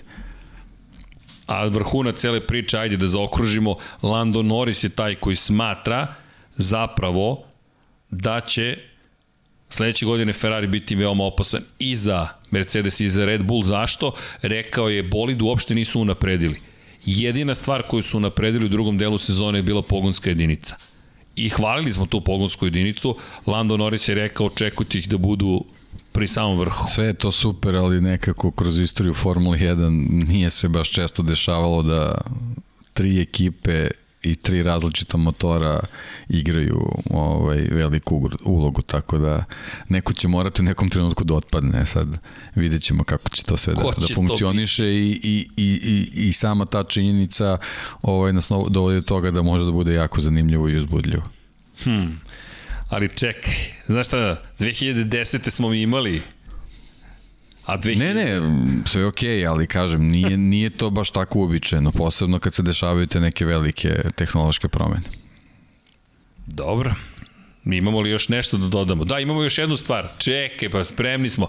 A Ferrari je pohvalio svoju pit stop ekipu zapravo za uspeh koji je napravio u, u, na kraju sezone. I to nismo spominjali, ali... Kockice, šrafovi, mozaik, sve mora da se složi. Pa, pa jesmo mi pa- složili pa, motocikl. Da. Evo, pričali smo u analizi sezone pit stopovi u Monci, Verstappenovi i Hamiltonu, da je jedan od njih bio perfektan. Hm. Kako bi se završila sezona i kako bi tekla u stvari. Potpuno drugačije. E, inače, oni su, Loran Mekis je trkački direktor Ferrarija je rekao da je fokus u 2021. bio na izvršenju zadataka. Da je fokus bio operativne prirode i da su rekli mi moramo operativno biti savršeni u 2021. godini da bismo došli do željenih rezultata. I to ono što sad spominjamo, te kockice koje su slagali, deluju da su se negde regrupisali, kao kad imaš zaista lošu sezonu i kažeš čekaj, sada mogu nasilno sve da ovde uradim, sve promenim, kao što su, ne znam, Miami Dolphinsi otpustili Briana Floresa, ne, nemam reči, jedini čovjek koji je uspešan ove godine bio tih timova koji su bili problematični ga otpuste, a oni koji imaju problematični Joe Judge ne ostane bez posla. Za one koji ne znaju NFL, pratite 99 yardi, topla preporuka. E, ovde je situacija sledeća, neko Ferrariju, koliko god sam mislio da je to pogrešan potez je bio pravo. I izvinjavam se, pogrešio sam, dati Binotu poverenje, Meki su poverenje i delo je da su imali plan. Deki kao da su rekli, ok, ljudi, Ne možemo sada ništa, kažnjeni smo, takva je sezona, možemo samo da trpimo halabuku, uvrede, teške reči i sve ostalo, da izdržimo, možda budemo jači, to je moj utisak samo sa strane, već smo videli da sam pogrešio kod utiska kod Ferrarija, ali sada imam i već neko vreme verujem da su stvari bolji. Sada kada analiziramo ovo sve, znaš, unapredio si stajanja, ne praviš više greške, to mi je nešto što mi govori da da, da, da zaista su sklopili kocki svetu, za malo to zaborim. Inače, Motorsport Total je preneo ovu informaciju, Mekisko je rekao, dve stvari smo morali da zapamtimo, da to je da dobro izvršenje dolazi iz dobre pripreme, Tako da su izistirali mnogo pre par godina u alati simulacije upravo i ovog dela priče. Dakle, i, i kada govorimo o glavnim delu priče, to je, dakle, alati neophodni za fabriku, alati neophodni za ekipu i simulatori. I s druge strane, ubrzanje prosto koje je neophodno bilo u pit stopu. Kako bi unapredili, šta je rekao Charles Leclerc, race management, to je upravljanje samim trkama.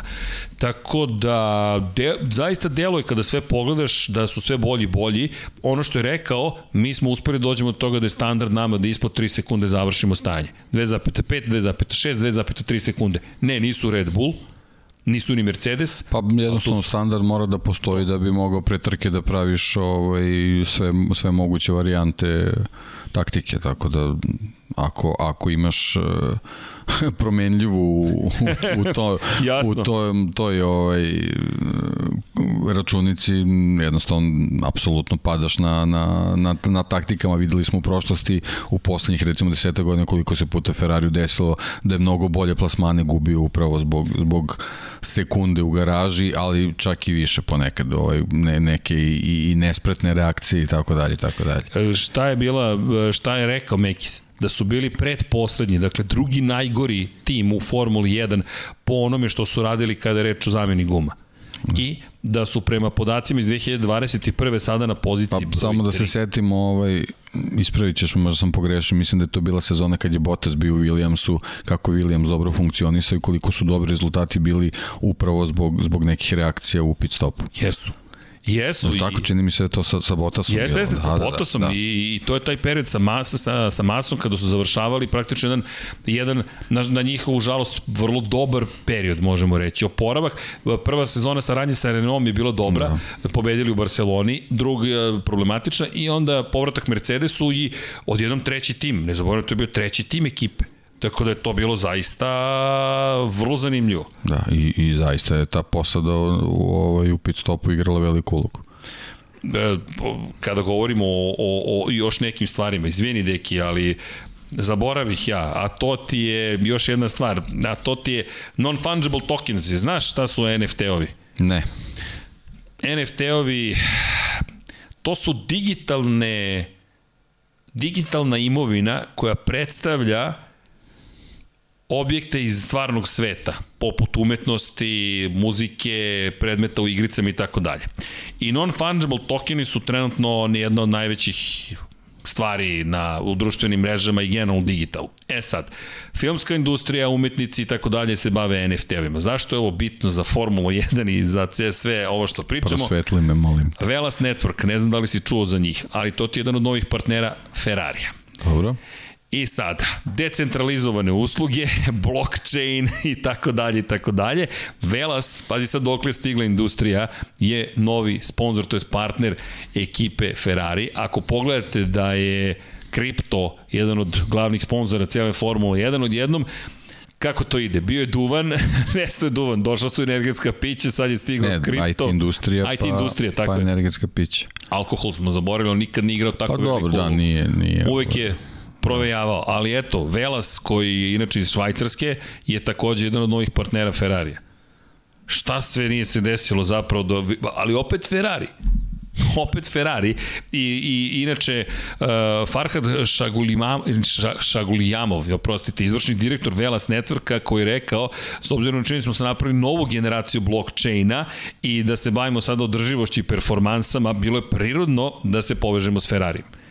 Da li mi veruješ, sad smo im to da otkrijem, ugovor me više ne vezuje, ali dobro, neću reći koja kompanija. Bio sam u Cirihu 2000, baš 16. 17.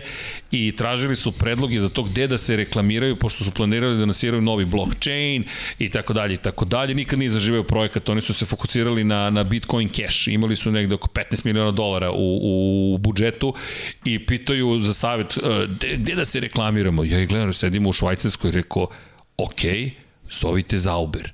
Bukvalno sam im rekao zovite Zauber 2016, mislim zavisi ako ih ne govorim da budu na Zauberu, prvi kripto oglašivač.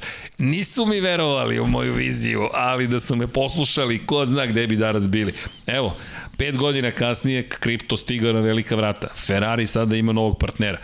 Tako da, da je to inače sponsor koji će biti glavni sponsor i Ferrarija u e-sportcu, pošto gledaju mnogo ka e-sportcu, pošto taj kompletna liga je veoma značajna za gaming industrija ljudi ogromna. Veća je od muzičke industrije, veća je od filmske industrije. Filmska industrija gleda smešno pored gaming industrije. Bukvalno.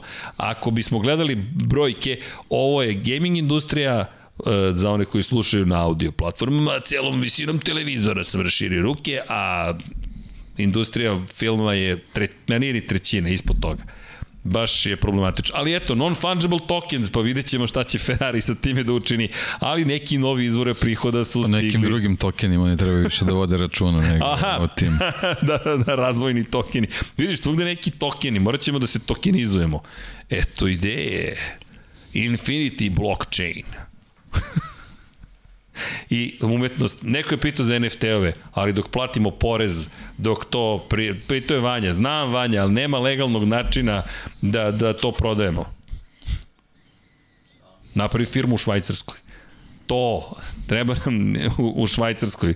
AG1 i onda, onda smo sve rešili. Ali eto, da koliko vesti zapravo. A ja rekoh, završili smo za večeras. To je, to je bilo pod pritiskom, popustio sam kao Horner, ali Deki je izveo neku akciju, smo izveli umeđu vremenu, pa eto, nadam se da, će, da smo uspeli da pokrijemo većinu stvari. Verovatno ima još vesti koje nisam pokrio, ne znam. To će Paja sledeće. Da, ali i samo još jedna stvar. Rekli su u Ferrariju, ukoliko ovo bude razočaravajuća godina, glave će letiti.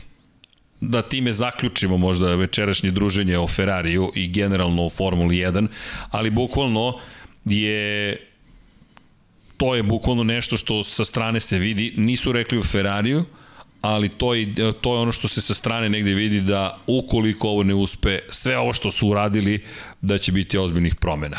A to obično znači otkazi.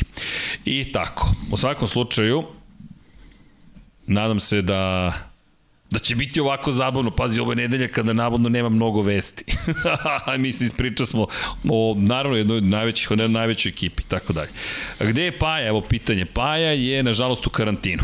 Ali mi mu držimo da držimo palče da se oporavi što je brže moguće da ga sledeće nedelje vidimo. Tako da, udrite like, udrite subscribe, udrite join. Da li...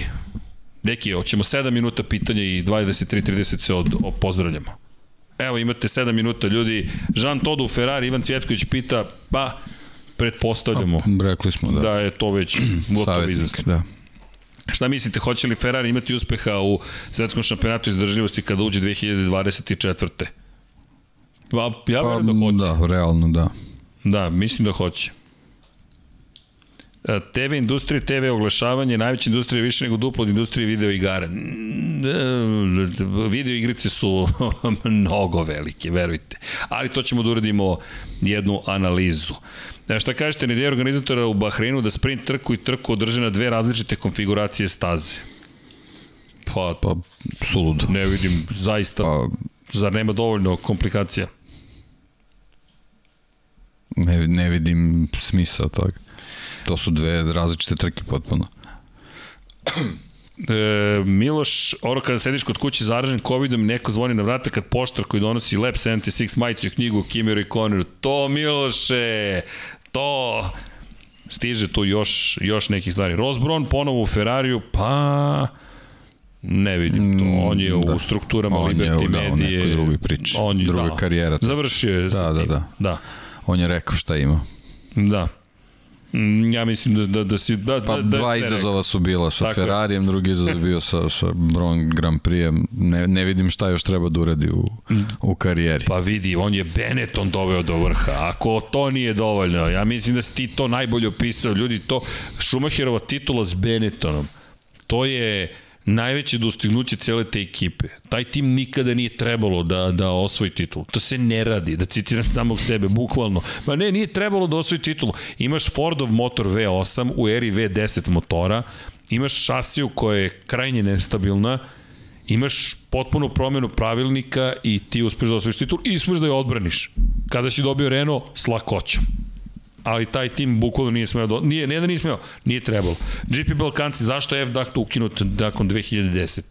Ne sjećam se sa tačnih razloga, moram da se podsjetim zašto su ga ukidali, ali F-Duct, bilo je tu problema oko bezbednosti, ako se ja dobro sećam, pošto su kolenom morali da pritisnu valjda otvor da bi ga aktivirali i čak i Alonso svojevremeno, ali da li je to bilo 2010. jeste, kada je bio u Ferrari u Barceloni, izlazi iz poslednje krivine i levu ruku stavlja na, na otvor, e, stvarali su zapravo polje pod pritiska tako da su za- zapravo formirali e, stalling zadnjeg krila su pravili.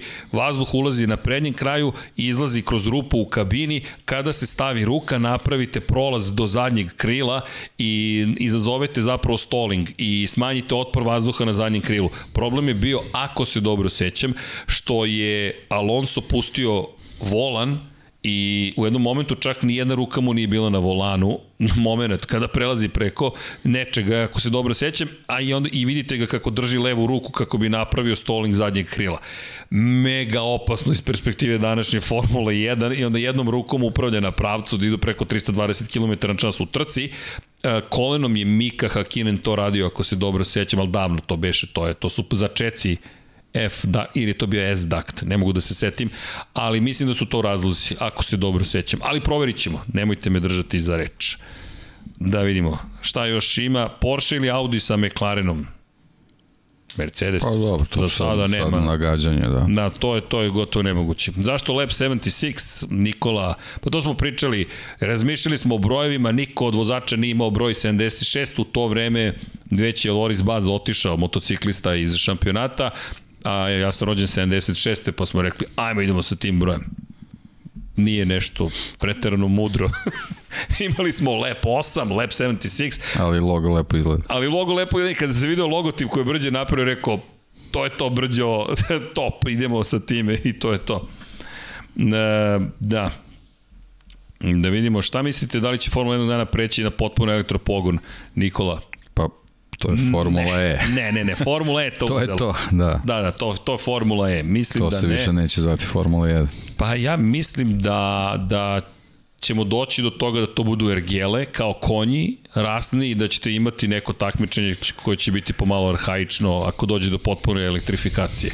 I to je manje više to. Možda će im hidrogenom puniti i gledati da, da bude što manje zagađenja, ali da zapravo zbog zvuka i svega ostalog će se svesti na praktično sport bogatih kao što su Kentucky Derby i slične Adrian Nju je napravio, stoji prototip u, u Red Bullovom muzeju u hangaru, tako da imaju već. Imaju FW14B i to je to.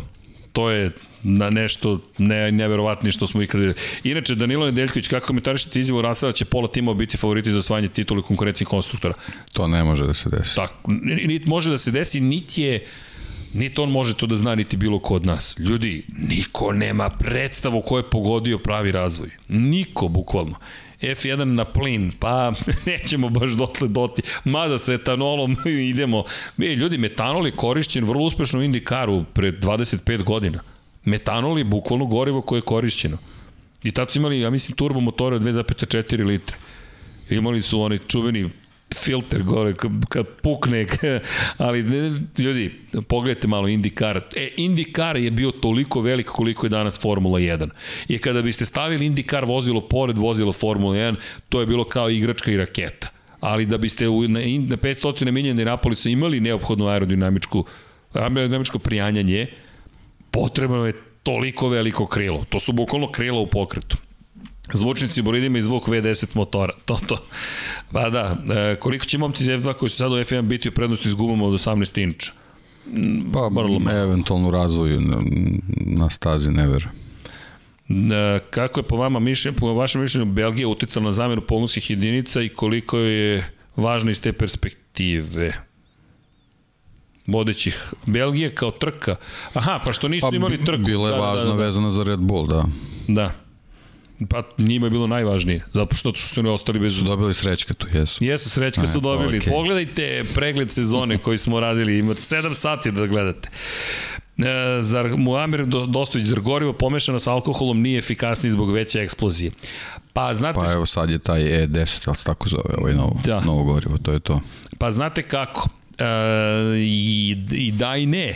Zapravo pitanje je zašto je optimizovan motor i pod kojom kompresijom će da se zapravo smeša zapali i šta je neophodno da ona bude najoptimalnija moguća. Tako da kada dođemo do, do zapravo čekam mašince da nam dođu sa metalurško-tehnološkog fakulteta da pričaju o tome, ali samo zato što je nešto eksplozivnije ne znači nužno da je automatski bolje.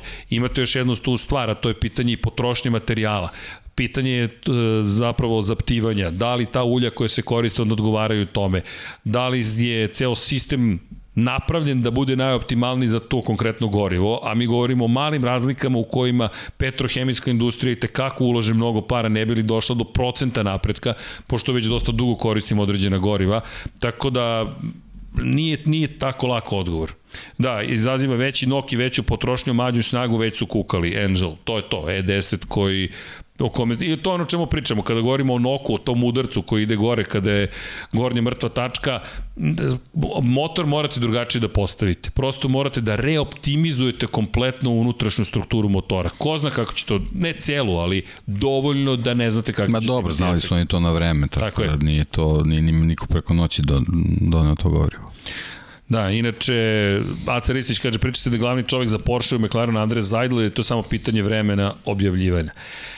Nije tako jednostavno. Nije tako jednostavno. To je pitanje Volkswagen grupacije. Imate više igrača u igri, lobiranja su ozbiljna, imate veze sa Red Bullom takođe kao sponzorom, imate veze sa pre svega Jost Kapito. Gledajte Josta Kapita, nije Deki slučajno spomenuo Josta Kapita, to je čovek ozbiljnog uticaja i ozbiljnog renomea, tako da dosta se, dosta se, neću reći pita, ali može da utiče zaista u velikoj meri na, na, na stvari koje, koje dolaze u Formuli 1 da vidimo šta još ima. Šeli izjavio da je napravio E10 gore koji vraća 60, 60 konjskih snaga Ferrariju.